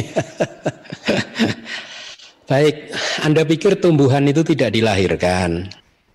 Tumbuhan juga dilahirkan. Jadi kalau Anda ingin makan yang benar-benar tidak dilahirkan, ya eh, Anda harus makannya ya nibana saja, Bapak itu karena tumbuhan itu dilahirkan, dijadikan, uh, dibuat, kemudian dikondisikan. Ya, jadi vegetarian pun juga makan sesuatu yang dilahirkan, dijadikan, dibuat dan dikondisikan. Jadi jangan terlalu berpikir jauh. Saya juga mendapat surat yang panjang sekali ada 49 halaman yang menjelaskan tentang yang intinya tidak setuju dengan jawaban saya bahwa tentang vegetarianisme itu dan dia meng, terus terang mohon maaf saya tidak membaca surat Anda karena terlalu panjang. Tapi saya hanya sekilas tahu Anda nggak setuju yang saya hormati begitu. Tapi saya ingin sampaikan kepada Anda bahwa jawaban saya itu bukan jawaban saya. Itu jawaban dari Buddha. Ya, jadi kalau Anda tidak setuju ya Anda tidak setujunya ke Buddha bukan ke saya. Saya ini kan hanya mengikuti petunjuknya Buddha saja, ya, mengikuti nasihatnya Buddha saja gitu. Buddha sudah menjelaskan bahwa semua biku siapa pun, uh, Buddha itu memberi kebebasan. Siapa pun silahkan. Kalau yang mau menjadi vegetarian ya vegetarian, kalau yang tidak ya tidak. Tetapi ya seorang biku, kalau bagi seorang biku dia terikat pada peraturan. Kalau umat sih silahkan gitu. Karena anda tidak mempunyai winaya gitu kan.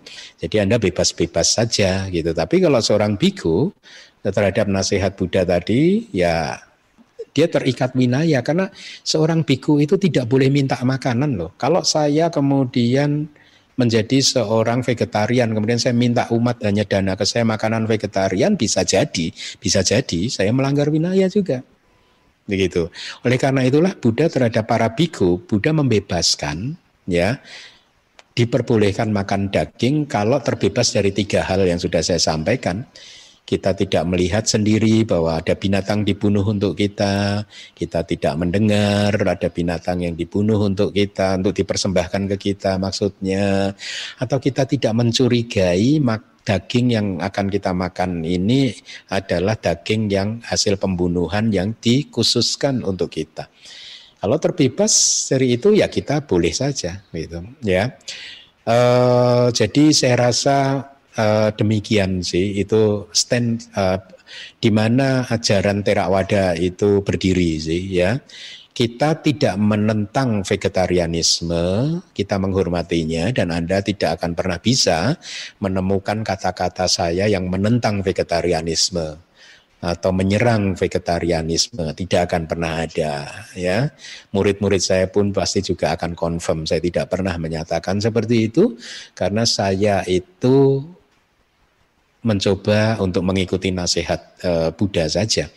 Bahkan sebagai informasi, ketika awal pulang ke Indonesia dulu, itu tahun-tahun pertama sampai lima tahun saya ini cakce loh. Cakce. Kenapa? Karena organisasi yang saya ikuti mewajibkan cakce ya saya harus patuh ikut dan itu confirm siapa pun juga tahu. Selama lima tahun saya jakce bukan karena apa-apa, tapi karena memang adanya ya itu. Kalau sekarang jokesnya ciak cince. Saya tidak minta apa-apa cince. ya apa pun yang dipersembahkan selama itu tidak melanggar winaya, saya akan makan.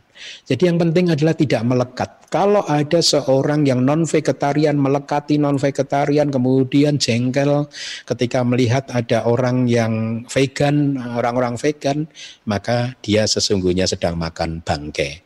Sama saja. Orang vegan yang jengkel melihat orang yang makan daging, maka dia sesungguhnya vegan yang makan bangke juga. Itu kan sesuai suta.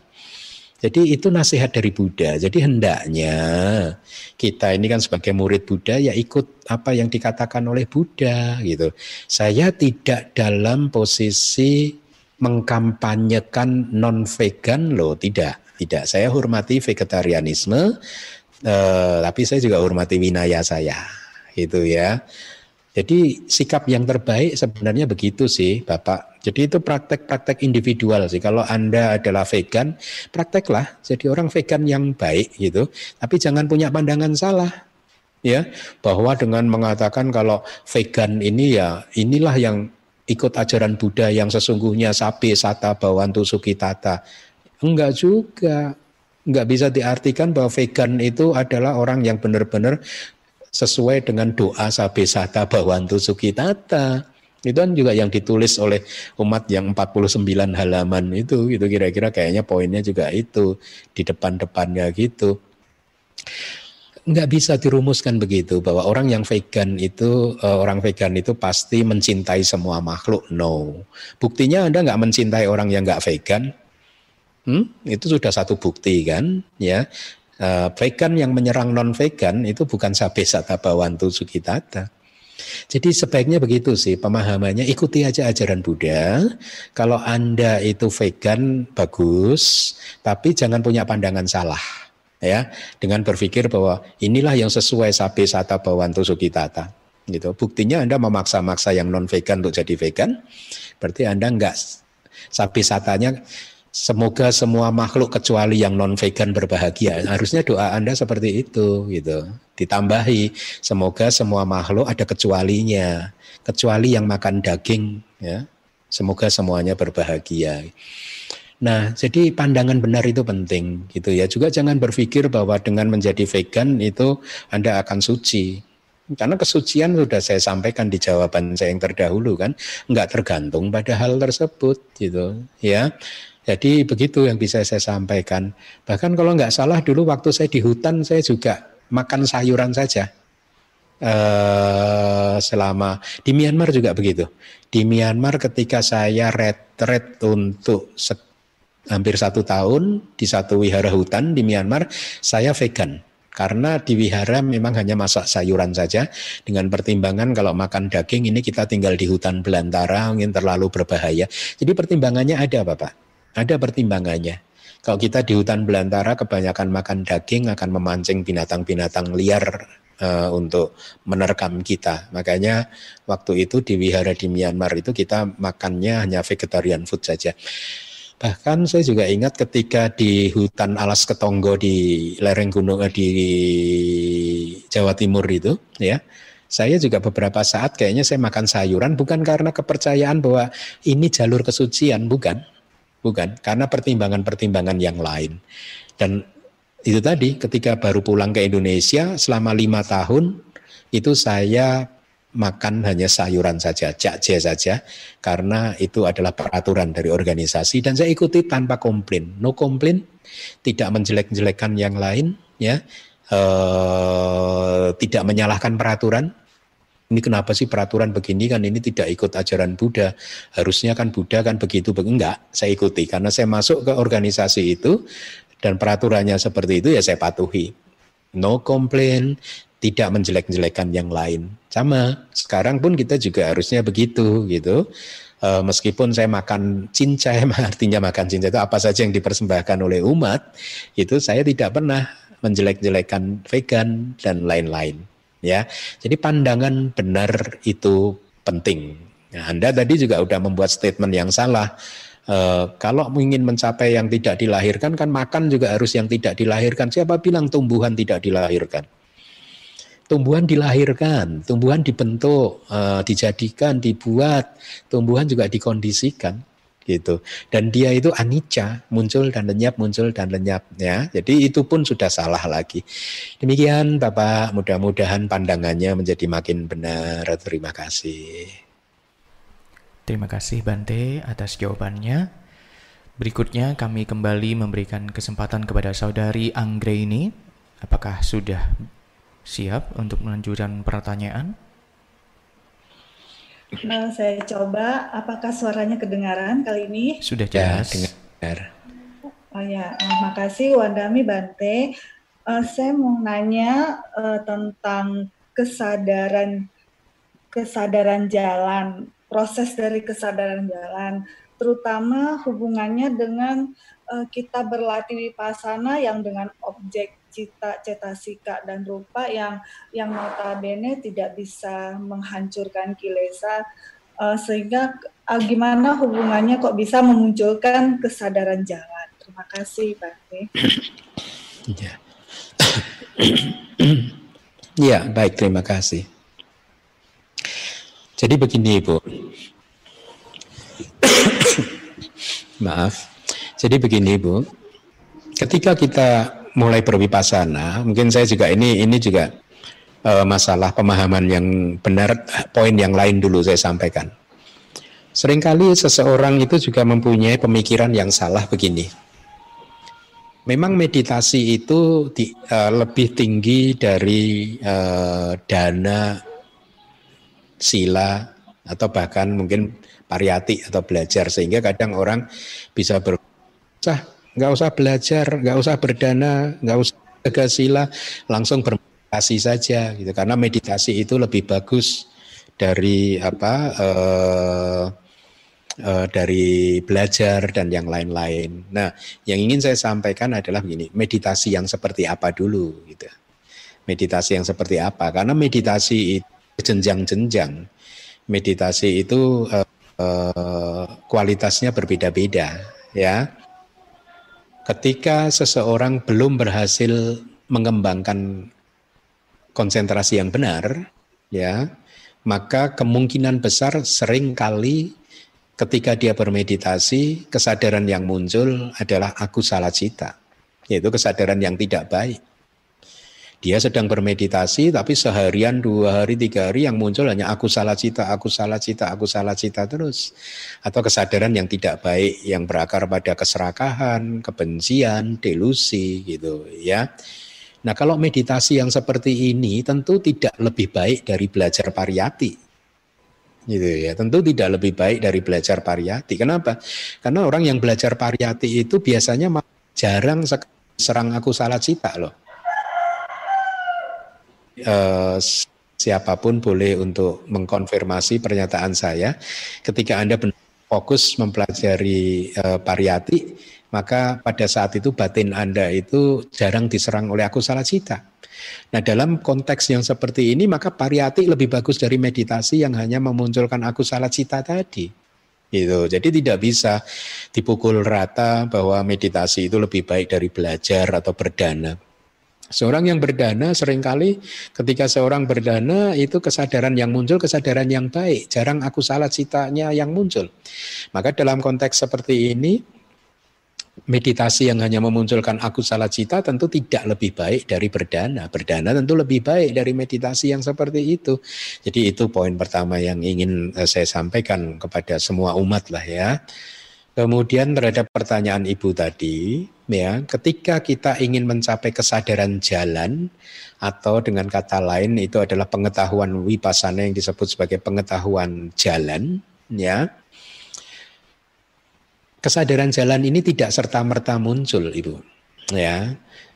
Kesadaran jalan ini adalah sebagai puncak atau akhir bahkan ya setelah wipasana kita mencapai puncaknya maka pengetahuan jalan ini muncul itu ya dengan kata lain maka kalau kita ingin memunculkan pengetahuan jalan yang harus kita lakukan adalah berwipasana Nah, tetapi berwipasana prosesnya ada sebelum wipasana yaitu apa? mencapai konsentrasi yang benar terlebih dahulu. Nah, untuk bisa mencapai konsentrasi yang benar ada syaratnya lagi, yaitu silanya harus bagus. Untuk mencapai sila yang bagus harus ditopang oleh fondasi yang bagus. Praktek dananya juga harus bagus. Inilah mengapa rumusannya adalah dana, sila, bhavana, begitu kan? Nah, kembali lagi kalau ingin mencapai kesadaran, memunculkan kesadaran jalan yang mengambil nibbana sebagai objek, maka kita harus berwipasana dengan proses yang tadi sudah saya sampaikan. Dan ketika Anda sudah mencapai konsentrasi yang benar, konsentrasi yang cukup kuat untuk bisa melihat nama dan rupa, maka Anda baru mulai berwipasana. Ya, ketika Anda berwipasana, maka Anda akan secara bertahap merealisasi pengetahuan-pengetahuan wipasana seperti yang sudah saya sampaikan di kelas yang minggu lalu. Dari yang pertama yaitu e, nama, rupa, pariceda, nyana atau pengetahuan yang membatasi tentang batasan nama dan rupa ya. Kemudian pengetahuan yang kedua pacaya parigaha nyana yaitu pengetahuan yang memahami kondisi-kondisi yang memunculkan damak-damak yang lain.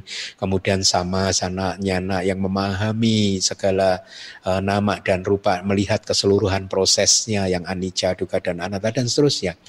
Jadi ini adalah proses untuk mengembangkan pengetahuan atau kebijaksanaan ya. Ketika sudah mencapai puncaknya maka baru pengetahuan yang adi duniawi, ya, pengetahuan yang tentang yang tidak dikondisikan, tidak dilahirkan dan seterusnya muncul. Ya. Nah, hanya ketika pengetahuan jalan ini muncul maka kilesa dihancurkan. Proses sebelumnya tidak menghancurkan kilesa tetapi menekan kilesa, ya, membuat kilesa tidak muncul dengan faktor yang berlawanan, gitu ya, yaitu dengan eh, pengetahuan-pengetahuan wipasana. Jadi demikian dan ketika pengetahuan jalan muncul dia muncul dengan cepat cepat sekali, Bu. Dia muncul dengan cepat sekali dan kemudian diikuti oleh pengetahuan buah selama dua momen kesadaran atau tiga momen kesadaran saja. Dan itu cepat sekali karena satu momen itu satu persekian eh, ratus ribu eh, sekian eh, ratus ribu apa miliar ya? Eh bukan sekian ratus miliar gitu ya hampir satu triliun, seper satu triliun detik hampir gitu saat hampir satu per satu triliun detik. Jadi cepat sekali. Ya kesadaran buah muncul dengan sangat cepat dan setelah itu baru ada proses review uh, menelaah eh, kesadaran jalan mana yang muncul, kesadaran buah mana yang muncul, kilesa mana yang sudah dihancurkan, kilesa mana yang belum dan mereview nibana itu sendiri begitu. Jadi kira-kira uh, seperti itu dan ketika kesadaran jalan dan kesadaran buah ini muncul, biasanya yogi akan seolah-olah berada dalam situasi yang berbeda. Ya inilah mengapa sering diekspresikan um, karena saking cepatnya begitu. Tapi walaupun demikian, kebijaksanaan dia bisa mengikutinya karena ini adalah pengetahuan yang berkaitan dengan sesuatu yang tidak dikondisikan, maka sering kali setelah dia keluar dari proses pencapaian jalan itu akan muncul pertanyaan, eh itu apa tadi ya gitu. Ya, Kemudian dia akan mereview ulang lagi itu tadi apa ya, itu tadi apa ya.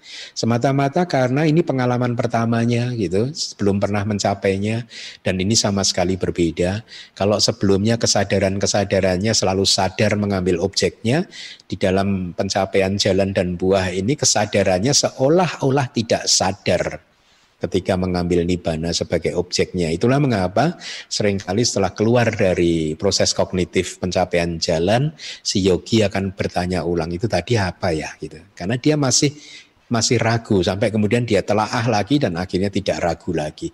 Demikian uh, mudah-mudahan jawaban ini membantu. Terima kasih. Terima kasih Bante. Berikutnya kami berikan kesempatan kepada saudara Lukito Ahok. Kami persilahkan.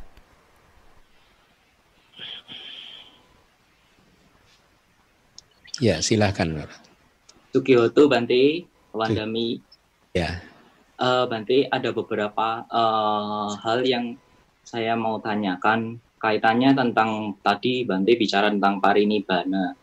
Seorang arahat ketika mencapai parinibbana, saya banyak baca di suta seperti yang Arya Sariputa, kemudian yang Arya yang lain itu uh, memang menung, memang waktunya beliau-beliau ini untuk parinibbana.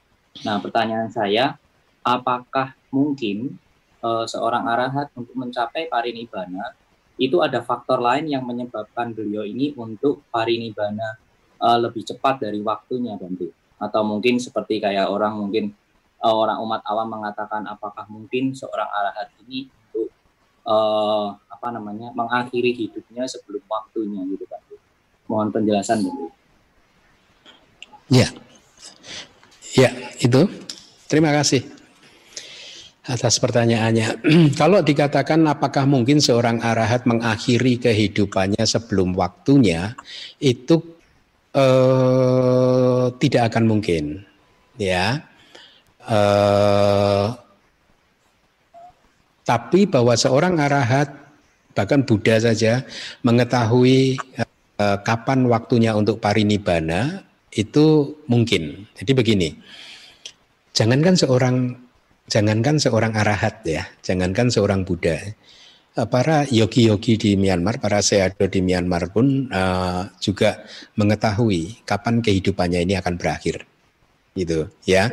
Yang kela kapan kelahirannya kali ini akan selesai. Tapi walaupun demikian seado-seado juga tidak tepatnya. Beliau hanya menjalaninya saja. Kenapa bisa mengetahui seperti itu? Ya karena beliau melihat proses proses di dalam uh, misalkan kekuatan karma yang membuat dia beliau terlahir di kehidupan kali ini. Kemudian beliau melihat proses nama dan rupanya ini ke depan. Ini menarik sekali sih. Ini menarik sekali. Uh, karena ada ada uh, semacam petunjuk meditasi yang demikian itu untuk melihat proses nama dan rupa ini mengalir ke depannya berhentinya kapan begitu. Artinya eh, kemunculan kesadaran kematiannya kapan begitu ya jadi jangankan seorang arahat ya gitu, yogi-yogi yang terampil pun juga bisa mengetahui kapan akan e, berakhir kehidupannya. Tapi walaupun demikian, sama sekali tidak ada keinginan untuk untuk mengakhirinya, mempercepatnya dengan apa pun alasannya. Ketika Buddha memutuskan untuk melepaskan jiwitindrianya, daya hidupnya, untuk kemudian masuk ke parinibbana itu di kitab komentar juga dijelaskan ya memang kehidupan karma pendorong Buddha itu sudah habis sampai di situ. Ya sampai di titik Buddha parinibbana itu memang sudah sudah harus habis. Jadi Buddha mengetahuinya. Kemudian sebenarnya bulan sebelum parinibbana gitu, Buddha memberi tanda kepada yang Arya Ananda sampai tiga kali kalau tidak salah dengan kalimat-kalimat yang uh, mengindikasikan bahwa seandainya ada yang meminta maka uh, seorang Buddha akan bisa bertahan sampai satu kalpa Nah ini satu kalpa pun di Indonesia juga sering dipahami secara keliru. Dianggapnya Buddha bisa bisa hidup selama miliaran tahun, jutaan atau triliunan tahun. No, satu kalpa di sini adalah ayuk kapa. Ayuk kapa itu batas usia gitu. Ya, jadi kalau pada masa Buddha itu waktu itu katakanlah manusia itu maksimal itu bisa bertahan sampai umur 120 itu kalau tidak salah ya, penjelasan dari kitab komentar begitu. Kalau tidak salah juga yang Arya Ananda juga bertahan sampai umur-umur 120-an begitu ya.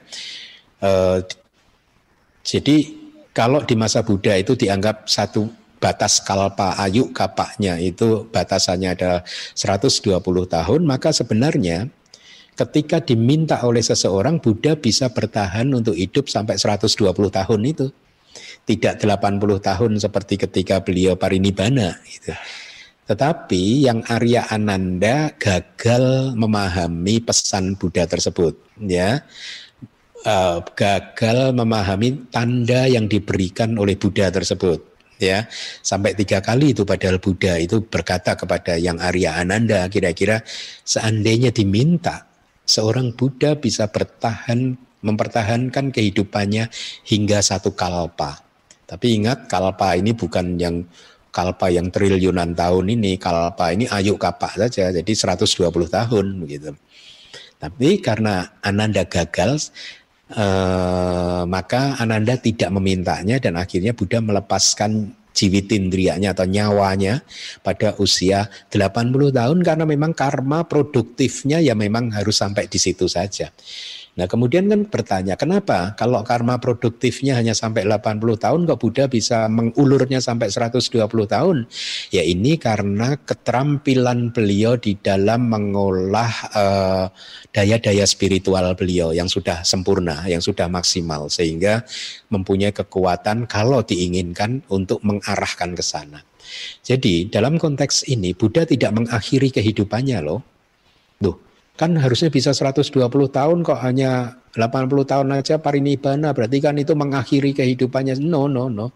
Beliau menjalani kehidupannya secara normal, karma produktif yang melahirkan kehidupannya memang harus habis hari itu dan dia menerimanya dengan uh, happily begitu.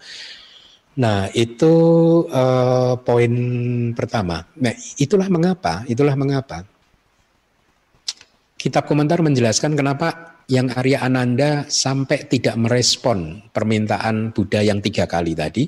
Ini menarik ya, yang kita komentar menjelaskan pada saat itu Mara mengganggu Ananda, yang Arya Ananda.